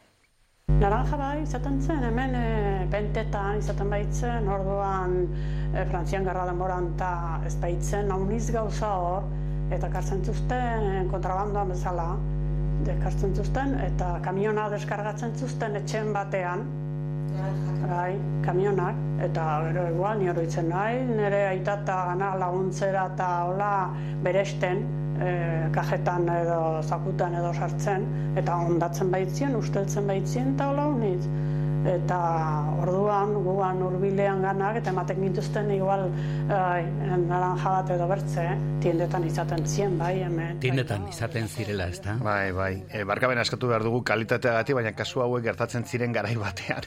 Gure kableak egiten, lurra egiten zuenean, eta bu hori horren ondorioa da e, nik uste dut emendik eitzina gauz horiek ere garbitual izanen ditugula. Bueno, txarrak ekartzen zituztela eta erdi ustelduta eta eta hori jan berrizaten zutela. Zugarra murdiko emakumea eta gizon bat, orain protagonista, kandido ziganda, nor da gizon hau? Ba, imotz aldeko oskoz, zehazki osko, oskozko gizona, e, aipatu behar dut bai doloresen eta bai kandidorena, Eusko Kultur Fundazioak egindako bilketaren e, proiektuan, e, bueno, nabartxiboren bilketan bildu zirela, eta, bueno, ba, kandido kerraten diguna da, ba, oikoa errege bezperan, nola ateratzen ziren, e, joaleak joaz, e, hemen gaude adirazteko erregeri, ez da, eta erregegunean mezaita zaten zutela, eta mutilek eta neskek, oituro bazeukatela, imotzen, oskozen zehazki, apaizari laranjak emateko. Eta eskondutako emakumeek ematen zieten apaizei ere, bai, apaizari kasu honetan, eztia eta ogia. Beraz, apaiza bapo gelditzen zen, laranja ogia eta estiarekin.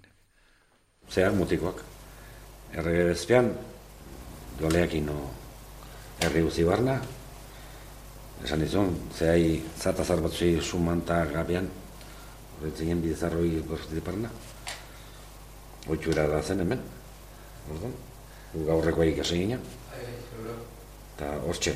Eta gio erreunean, pues bueno, meza. Eta orduan ematen zion, empezai naranjak eta zei guzik. Gizonak, gizonak ez. Gizonak ez zion maten orduan. Ez, beti makomeak, mantu zuten hori.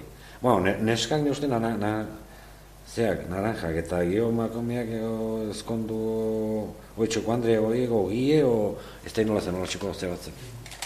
Gizonak eta mutilak ez ziren joaten. Eh, bueno, gauza bat gizonak eta beste bada mutilak, ez? Bai. Baina argi di, argi utzi du kandidok, eh, zera, batez ere emakumezkoek ematen zizkiotela laranjak eh, apaizari. Eh, eta gero ja eskondutako emakumezko ja neskatuak ez, bezi, ja emakumetutako eh, pertsonek ematen ziotela, ez diatogia, bai. Oso ongi, haizu eta imoztik eh, legasaldera joko dugu segira. Bertizarana, bai. Maite Miguel Torena. Kasu honetan, lehenengoan ere ipatu du Doloresek, e, laranjak eta horrelako produktuak estraperloarekin eta zeuden harremanetan, ez? Ez ziren nola nahi lortzen, eh? pixkat bereziak ziren. Eta orduan dirudinez estraperlistak legasaldera bertizaran aldera azaltzen ziren ba, bi aldiz astean edo, trenez, e, irundik, eta, bueno, hortan ekartzen zuten arrainak, ba, sardinak edo txitsarroak eta, eta fruta. Bueno, kafeare bai, baina frutak, ez? Platanoak, bananak, eta laranjak. Eta, bueno, ba, batzutan trukean egiten zuten, ez? Haiek babarrunak eman, eta laranjak eta bananak jaso. Eta gero estraperlistak nortziren?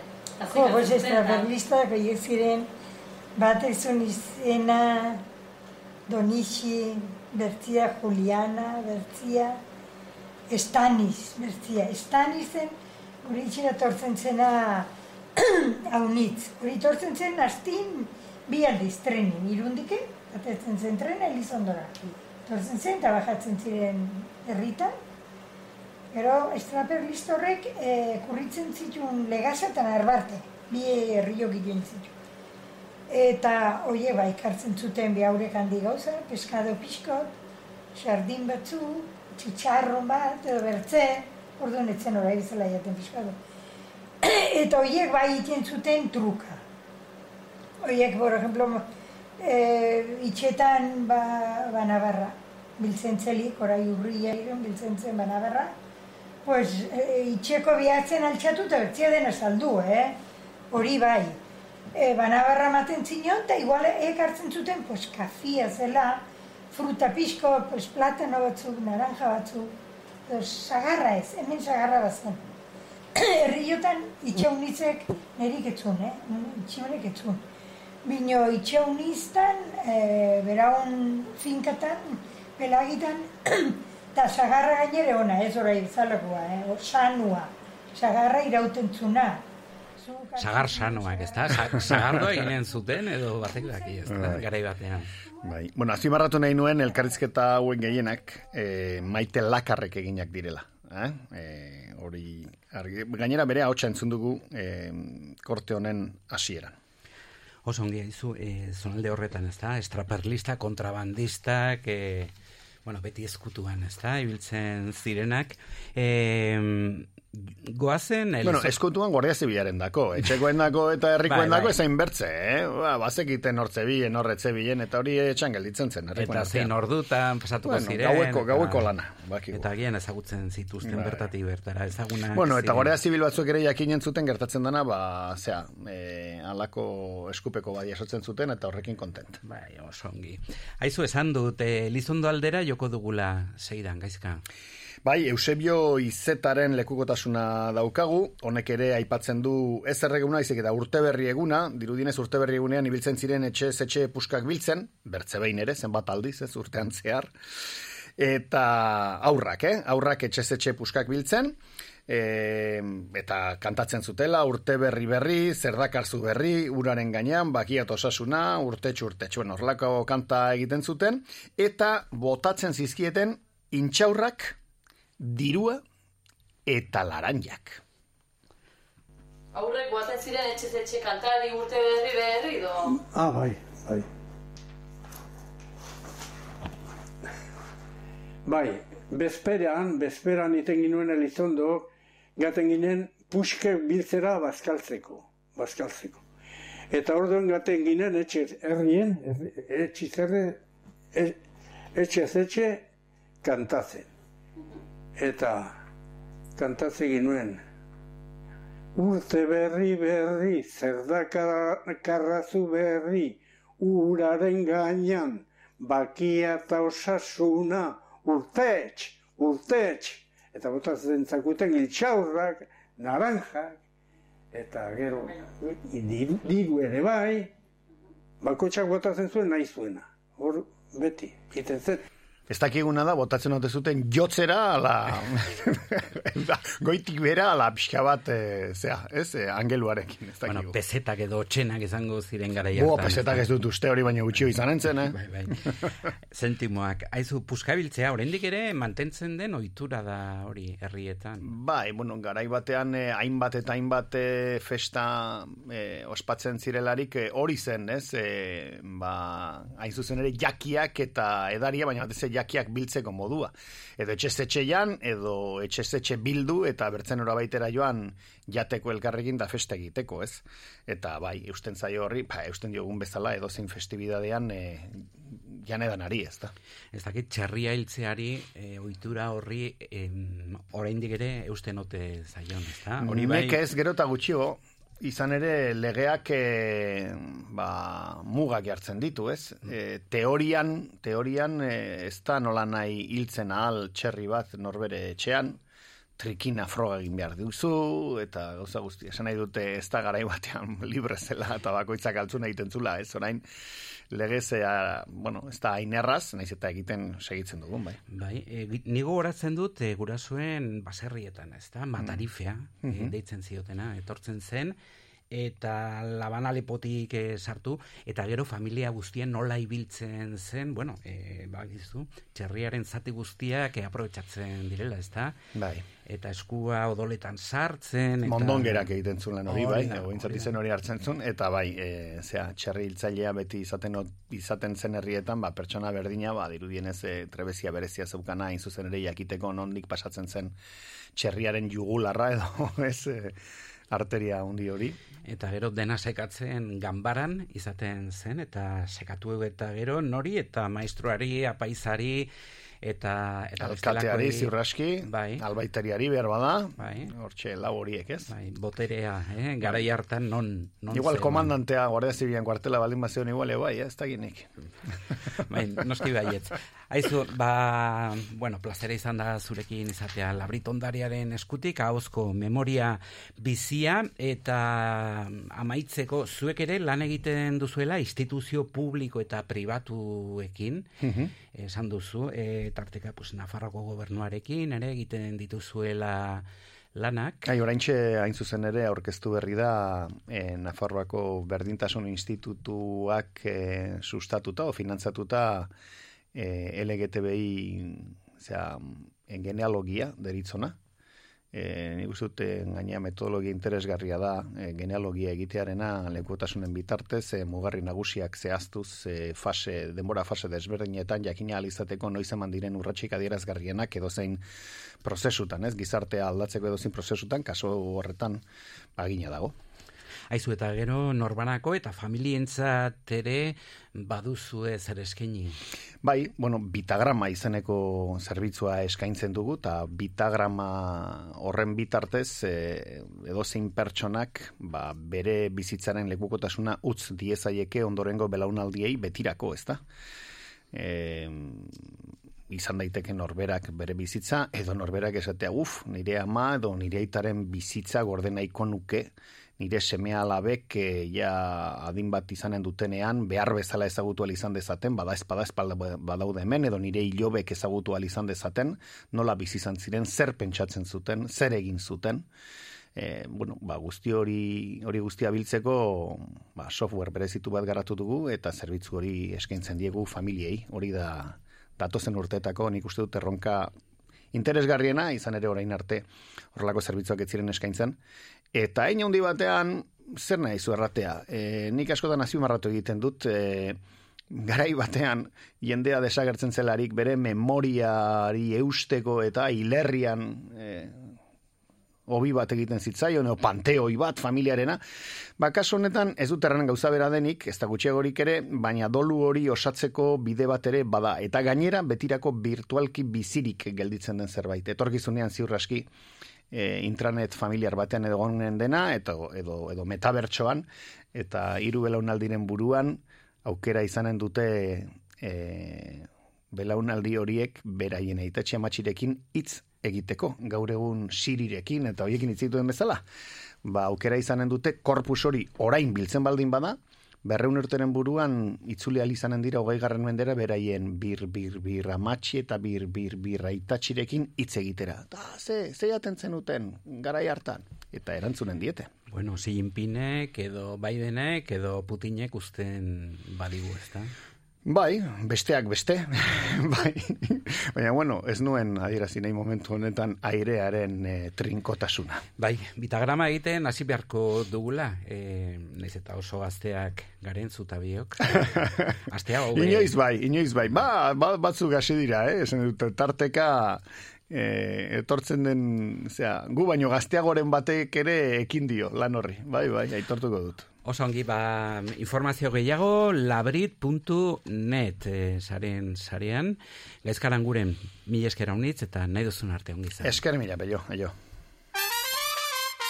Behatzi zortzi iru, Euskal Herria irratia irean da, Broken Brothers ibai ertzean, ba, ba, ba, bai, ba.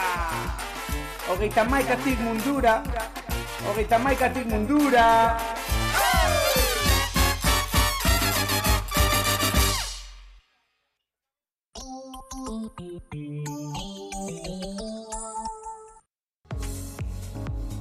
Autoko giltza, agintea edo sarraia konpondu beharra duzu? Zerrajeria Beloso, automobilaren sarraia gintza teknikoa.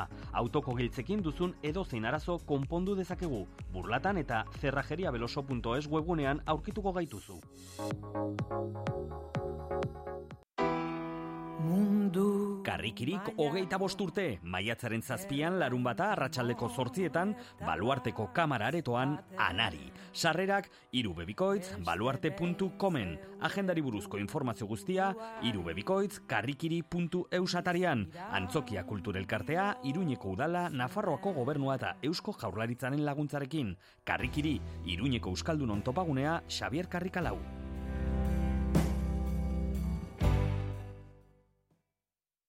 Una camioneta gris Atarrabian Manauto.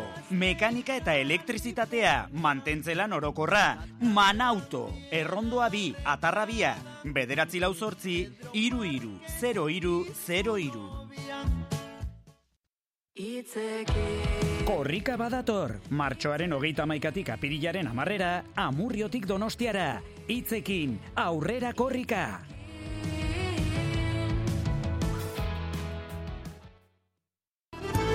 Erroibar eta eugirako bidean gautxori ostatu jatetxea. Bertako sukaldaritza eta tratu atsegina. Informazioa eta erreserbak bederatzi lau sortzi, iru zero lau zero zazpisei telefono zenbakian edota ostalgautxori.comen. Gautxori ostatu jatetxea zubirin gaude.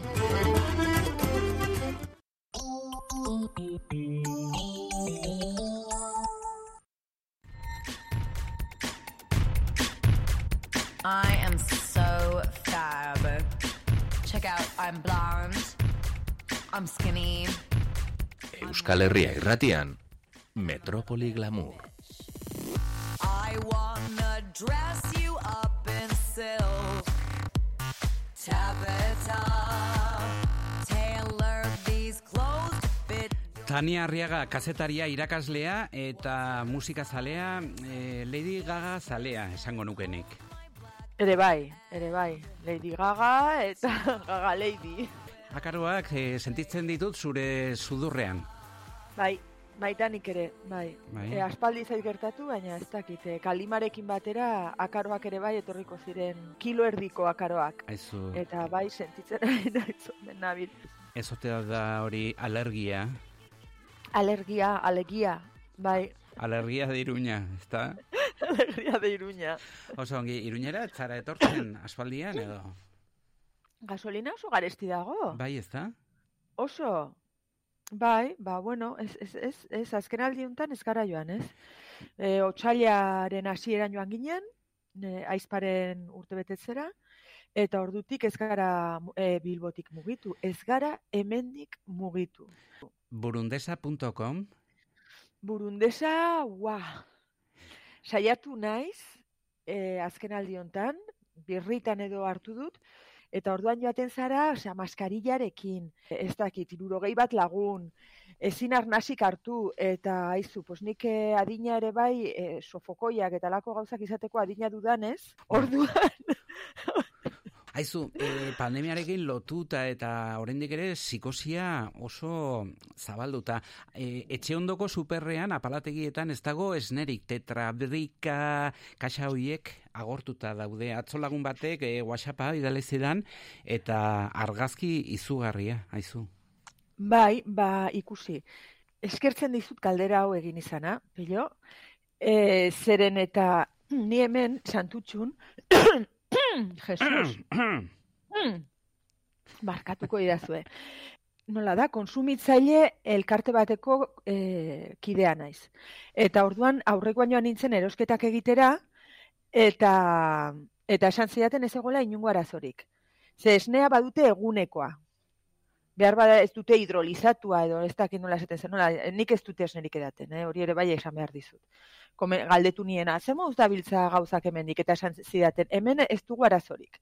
Ez dago, ez dakit nola esaten zaion, e, pues, e, esne arraro hori, e, ja egosia dagoena eta maikamila buelta ematen dizkioten horri ez egoen, baina egunekoa bai.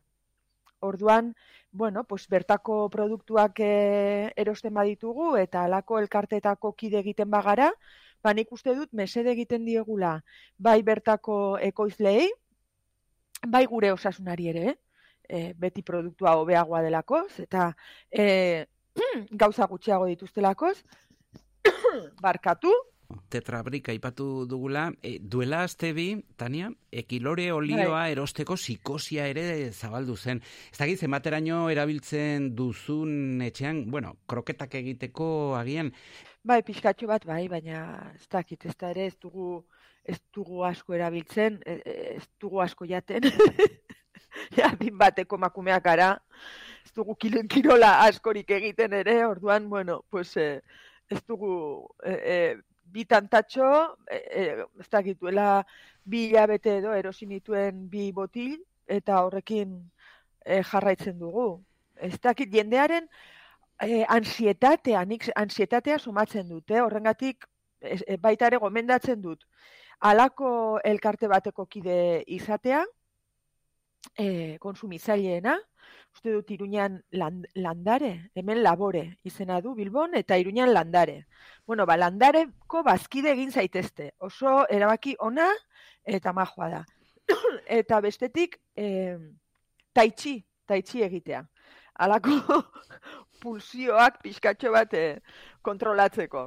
Nik eh, ansietatea ere bai sufritzen dut, eta taitxitik ateratzen naiz, eh, ba hoxe, ekilorea bezala, suabe, suabe. Tania Arriaga, pandemian gogoratuko duzu komuneko papera ere amaituko zela edo uste zuen jende askok eta paletegiak ere utzik geratu ziren kakalarria sortu zen, ezta beldurra pandemiaren aurrean. Bai, ba, taitxi. Horretarako ere bai, ta, de, de- denetarako nada, bai. Ez dakite, ja, hor- hortan naiz, sar- e- eskatologikoa naiz jarriko, pello. Badakizu gai hori gustatzen zedala bastante, eta saiatuko naiz nire burua kontrolatzen. Ze bestela, eh, arriskutsu jartzen naiz, lanjerosa. Aizu, e, amaituko den bestea, bueno, gaza izan daiteke, bueno, gaza ez da amaituko, baino agian Putinen pazientzia bai, ezta? E, azarritzen bada, desagertu eginen da agian gure etxeetatik, eta orduan, ez dakit, e, butano bonbona edo erabili beharko dugu.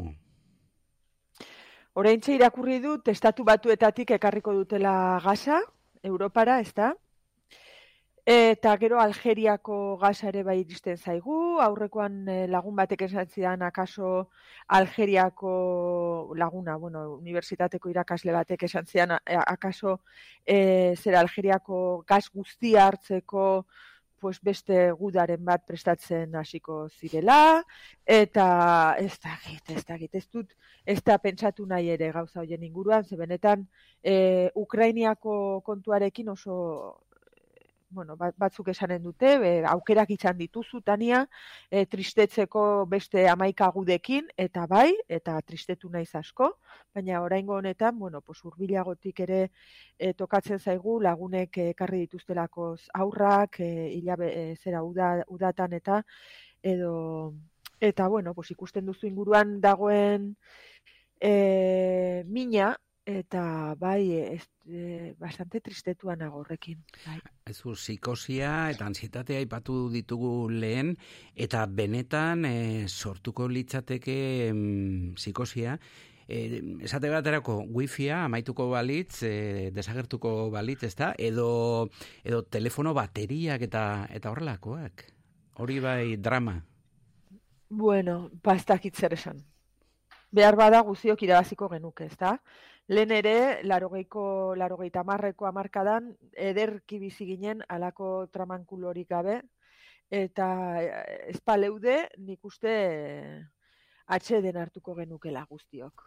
Ez, etxera iritsi, egunkaria irakurri, beste ritmo bat, auzokideekin hitz egin, a ber, ni oso e, e, tekno, teknofiliakoa naiz, ero, ere, nola esaten zidan lagun batek, e, zera, e, bueno, berdin dio, Teknikaria. porno, porno makina edo ez da giz esaten zidan. Bueno, e, machine porno, alako zerbait. E, bueno, makinak gustatzen zaizkit as- asko eta teknologia ere bai, eta eta sare sozialak, eta hori internet, eta dena hartu nuen e, gogotsu, eta oso oso teknologia interesgarria iruditzen zait.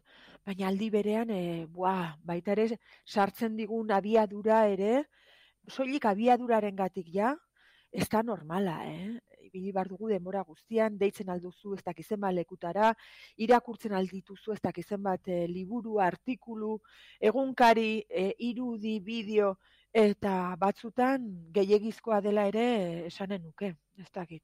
Orduan, hilabetean pare bat, e, hil- e, zera urtean pare bat hilabetez, e, wifi, bateria, plastiko eta zerarik gabe, e, bai, igual elegoke horren gaizki. Orain, gauza bat esanen dizute.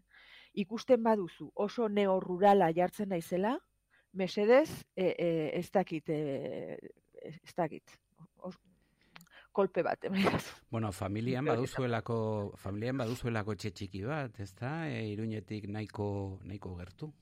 Bai, bai, bai, etxetxo bat dugu, bai. Eta, eta hoxe, neor, ez dugu, nik behintzat ez dut neorrurala bilakatu nahi. Errespetu guziarekin, badakit jendea oso ongi eta zorion bizi dela e, iruñetik e, hogei kilometrotara eta hola, baina ez da nire, ez da nire rolloa. Tania Arriaga eta bere alergia. E, nahi duzun arte, ongi zan. Bai, gaur harrapatu nauzu bete-betean. Bueno, pello. Bai, agur, Eta agur, agur eta eskerrik asko. Agur eta taitxia.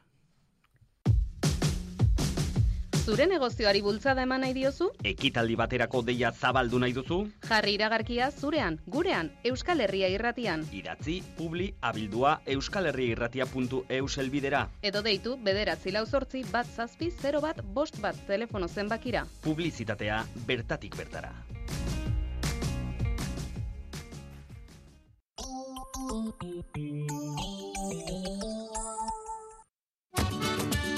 Hitu, mundu zabaleko usain kolore eta soinu guztiak. Hitu opari denda Merkader Eskalea, Iruña. Zure enpresa digitalki eraldatu behar baduzu telelanera edo lau puntu zero industriara egokitzeko Javiserren lagundu zaitzakegu. Zure sistema informatikoa mantentzen dugu. Neurrira egindako aplikazioak eta web orriak garatzen ditugu. Lantaldeak prestatzen ditugu IKT tresnak eta aplikazioak erabiltzeko. Javiser, bederatzi lau zortzi, zortzi bost zero, bat lau bost. Zehaztu dezagun nola lagundu zaitzakegun.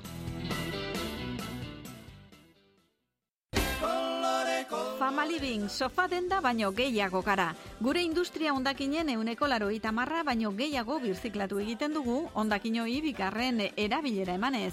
Aurten gure ondakinen euneko 0 kakotx 0 amabosta bakarri joan da zabortegira. Horregatik, haen horren 0 ondakin ziurtagiria jaso berri dugu. Famalibin kalitatea eta konpromisoa. Famalibin zure referentziazko denda iruñean donibanen iratxe tanatorioaren aurrean.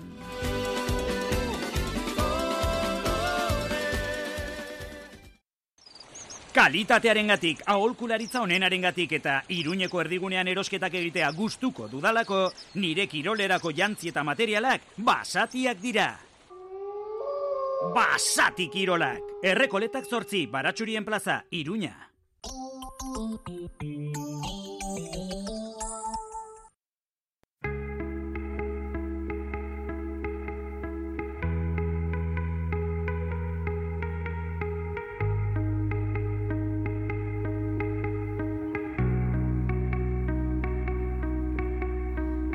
Metrópoli Forala.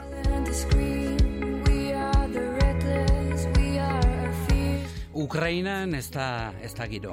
Bertara joan da Ander Roldan kazetari iruindar e, gaztea. Eta arekin solastu gara duela ordu gutxi, hause elkarrezketaren grabazioa Ander Roldan.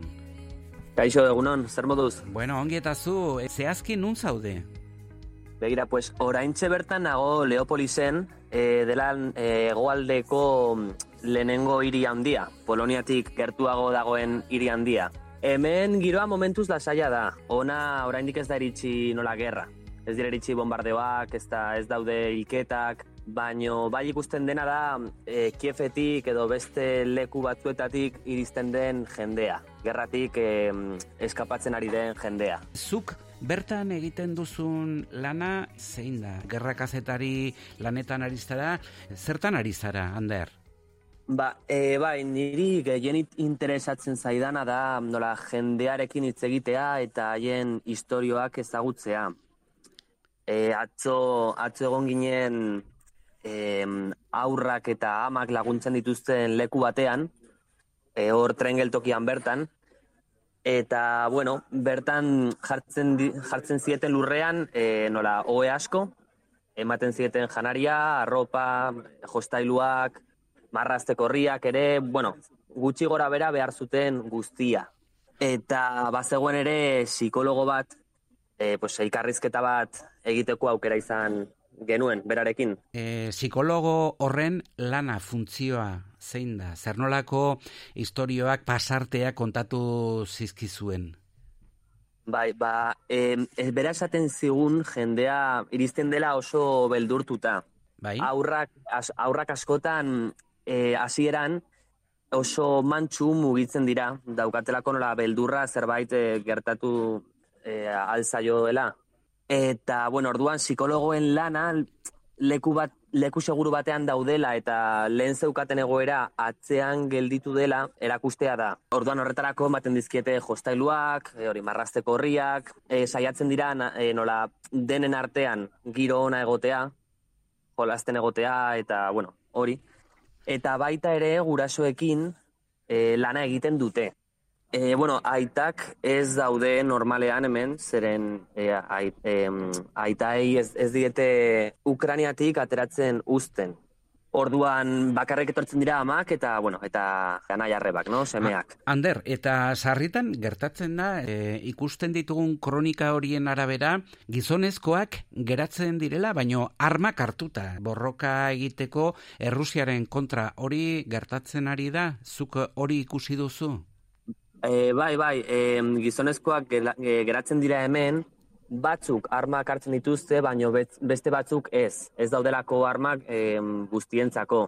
Orduan beste batzuk egiten duten e, nola voluntario lana. Janaria eman soldaduei, adibidez, edo, bueno, errefuxiatuei laguntza eman, gauza ezberdinak. Zenbat egun daramatzazu bertan? Gutxi gora bera egon nintzen nola amar egun Polonian eta beste amar egun hemen, behar bada pizka bat gehiago. Azkeneko egunetan, ia egunero eta gauero eh, sonatzen dira las alarmas antiaéreas. Bai. Eta, bueno, pues, gauero, eh, joan behar gara refusiora, eta hor egon e, bietatik seietara, adibidez. Eta horrela gauero, gauero, gauero. Orduan hau gutxika, gutxika ikusten duzu jendeari dela nekatzen. Hemen ez esaten nizun bezala, hemen ez dago oraindik gerra, ez daude oraindik bombardeoak, baino jendea daukanola e, presio hori, presio konstante hori, ez? E, de, bueno, pues orain e, ari dira entzuten ditut alarmak eta noiz izango onda, e, iritsiko dira Rusiako tankeak, Rusiako e, aviazioa. Beraz, e, benetakoa da oso hurbil daudela errusiarrak edo protokolo bat izaten da aizue e, sar zaitezte zuen etxeetan, zuen lokaletan eta hortik esatera. Bai, da, da gehiago protokolo bat em, zeren sistema honek ikusten ditu misilak edo, bueno, ikusten ditu misilak em, distantzia oso urrunera, baino ezin du konkretatu zein den puntu esaktua, oza, misil hori daukan objetibo konkretua. Horregatik alarmak entzuten dira leku askotan, normalean, hemen Leopolisen e, ez dira erortzen misil horiek. Duela hiru egun erori zen bat base militar batean, dagoela hemen nola larogei kilometrotara, ez e, berrogei, sorry, este kilometrotara, normalean ez da ezer gertatzen. Bertako jendea, e, Leopolisen bizi diren betiko hiritar horiek haien artean eta eskapoan e, joan ez direnen artean, eguneroko bizitza e, gutxi gora bera normala da, jendea haien lanetara joaten da, karrikan ikusten da bizitza dendak irekita daude, eskolak ere, zein da egoera, esai da zu? Eguneroko bizitza da oso normala. Dena dago irekita, jende asko dago irian, Eta bai, bizitza oso normala, e, baino hemengo jende asko, Leopoliseko jende asko, e, ja joan da Poloniara. Eta beste aldetik, Ukrainiako beste lekuetako jende asko ona etorrira bizitzera. Orduan orain, hemen ikus, ikusten duzun jende asko, ez da Leopolisekoa.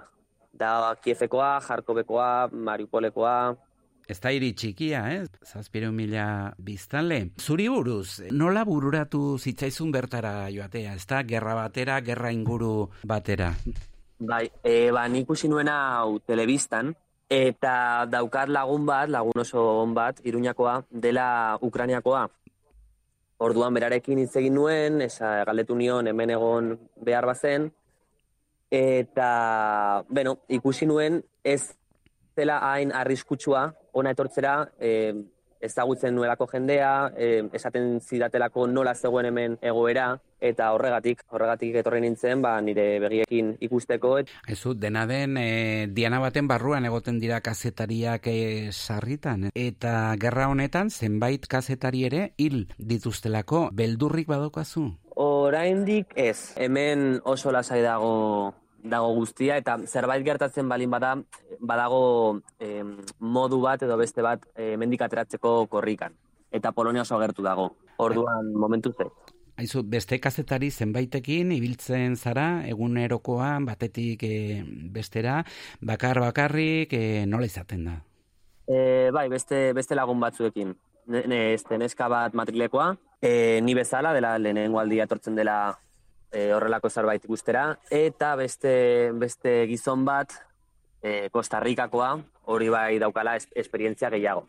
Ditu nola egonda Bagdaden, egonda Israel eta Palestinako konfliktuan ere eta beste leku askotan. Gerra korresponsalak, ezta? Hoiek odolean daramate. E, non bizi zara? Leopolisen? Hemen orain ari naiz e, bizi naiz lagun baten etxean, e, dela, bueno, da neska bat ezagutu nuena egiten elkarrizketa bat. Eta esan zidan, bueno, egin ginen lagunak, e, pasatu genuen e, pues, egun bat e, batera, eta esan zidan, e, bueno, galetu nionea gelitu ahal nintzen beretzean, eta esan zidan baietz.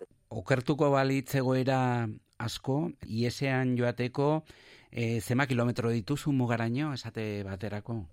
E, lauro gehi, gutxi gora bera. Bueno, ba, nahiko gertu zaude, ezta? Bai, oso gertu, oso gertu. Oso ongi, aizu, e, oso gertzpanago zu e, iruñeko bigarren zabalgunekoa zara, ezta, ensantxekoa? Bai, bai. Eta ikasten kazetaritza Madrilen. Bai, la Universidad Complutense. Bai, aizu gero itzultzeko, asmoa izango duzu, bertan gelditzeko... E, hemen Ukranian? Bai. Bueno, e, um, e, ari naiz pentsatzen Madrilera joatea berriro, nola deskansatzera pizka bat, aste bat edo hamar egun adibidez, eta berriro ona etorri pues, energia gehiagorekin. Zeren denborarekin joaten zara nekatzen. Egunero zaude inguratuta oso historia e, tragikoekin eta bueno, hori gutxika gutxika asko nekatzen du. Erreportajeak ere egiten ari zara, e, zuk ere sortu duzu sare sozialetan zure txoko berezi bat. Zein da? Bai, e, da YouTubeko kanal bat eta izena da Kaiola Reportaje. Niri gustatuko litzaidake YouTubeko kanalarekin ateratzea e, dirua, horrela ez daukat nola telebista eskatzen didana egin behar. Baina momentuz bai, e, kuatrorekin egon nintzen egun batean, orain ari naiz egiten Argentinako telebizio batekin, Mexikoko beste telebizio batekin, eta bueno, gutxika gutxika jendea deitzen zaitu. Aizu, e, bitartean egon beharko duzulako zure medio ekonomikoekin bizitzen, ezta? Eta eta etzara oso aberatsa izanen pentsatzen dut. Ukrania da oso merkea, eta Poloniara egan egiteko ere oso merkea ziren bidaiak. Baino bai, azkenean ona etortzeko inorez dizu dirua ematen. Zuk jarri behar duzu dirua. Aizu, mapa zabalduta, bai, esan diazu Leopolis egoaldean dagoela mugatik oso gertu. Iparraldera joateko asmorik, tentaziorik baduzu? Bai, pizka bat bai, baina ikusi behar dut ea oso arriskutsua den. Kiefera iristen zarenean lan egiten uzten badigute. Zeren adibidez orain dago uste dut bi eguneko toke dekeda. Ezin da in, inoregon kaleetan. Kazetariak ez da ere. Bai, eta Rusiarrak oso, oso gertu daudela, ezta? Kibetik. Plazere izan da, zurekin hitz egitea Euskal Herria irratian. Ander Roldan, arriskuak inguruan dituzu, beraz, adi-adi erne, erne egon. Eskerrik asko, eskerrik asko. Etxe autosaltokia edo zein da egokia sintonizatu ta dientzun Euskal Herria irratia Euskal Herria irratia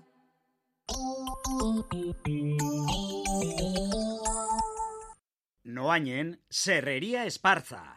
Zurdindegi eta ebanisterietarako hornikuntza. Altzariak, eskailerak eta upelak egiteko askotariko zura. Gaztainondoa, gereziondoa, lizarra, informazio gehiago serreriaesparza.com webunean. Gure berezitasuna, aritza. Carmen Kaleko herriko taberna, aste guztia irekia eskaintza paregabearekin. Eguerdietan eguneko menua edo asteburuko menu berezia. Gauetan karta zabala, entxaladak, bokatak, hamburguesak eta razioak. Ostegunetan gure talo mitikoak. Gainera, ardo karta berezia. Carmen Kaleko herriko taberna, Iruña. Karrikirik hogeita bost urte maiatzak amar aste artea arratzaldeko zazpietan laban, olatu arteko txalupa arraroa ikuskizun musikatua eta poesia errezitaldia Ines Osinaga musikariarekin eta Joseba Sarreonandia idazlearekin. Sarrerak amar euroan salgai karrikirin agendari buruzko informazio guztia karrikiri.eus atarian. Laba, Iruñeko udala, Nafarrako gobernua eta Eusko Jaurlaritzaren laguntzarekin karrikiri, Iruñeko Euskaldunon topagunea, Xabier Karrika lau. Autoko giltza, agintea edo sarraia konpondu beharra duzu? Zerrajeria Beloso automobilaren sarraia gintza teknikoa. Autoko giltzekin duzun edo zein arazo konpondu dezakegu. Burlatan eta zerrajeriabeloso.es webunean aurkituko gaituzu. Azken aldian albiste txarrak baino ez ditugu entzuten, baina honak ere behar ditugu gure osasunerako. Guk albiste ona eman nahi dizugu. Aurten amabi urte bete ditugu. Amabi urte erlek ematen dizkiguten produktu ez gozatzen. Kalitate goreneko eztia, erregina gelea, polena eta propolia eskaintzen. Eskerrik asko zuri bezero, urte hauetako konfiantza eta babesagatik. La Colmena, Hilarion Eslabakalea, iru. Interneten lacolmenatayuda.com.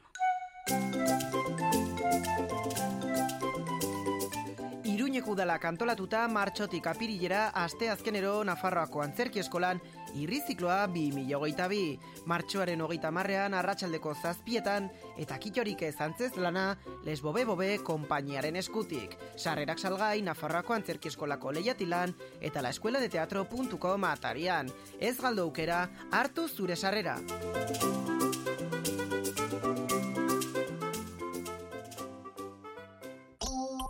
Ostondu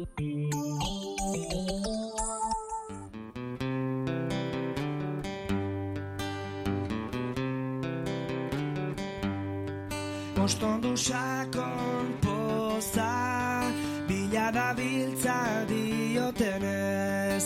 Mila polizia inguru Mozorrotu trapuzarrez Ostantzian seguru Minez behar dute goza Minez behar dute goza Goizeko amaiketarako bidean, bi minutu besterik ez, eta musikaren bitartez, e, ez dakit, kantari honen e, abotsa ezaguna dut, Igor.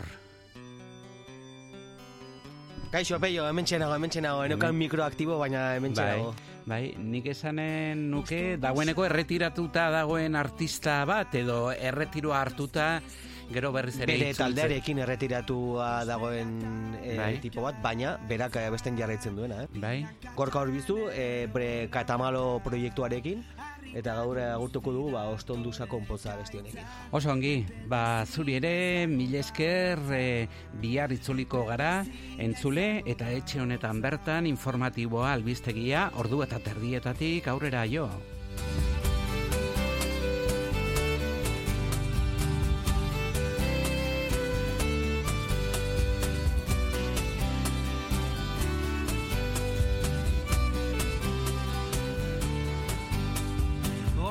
Ostondu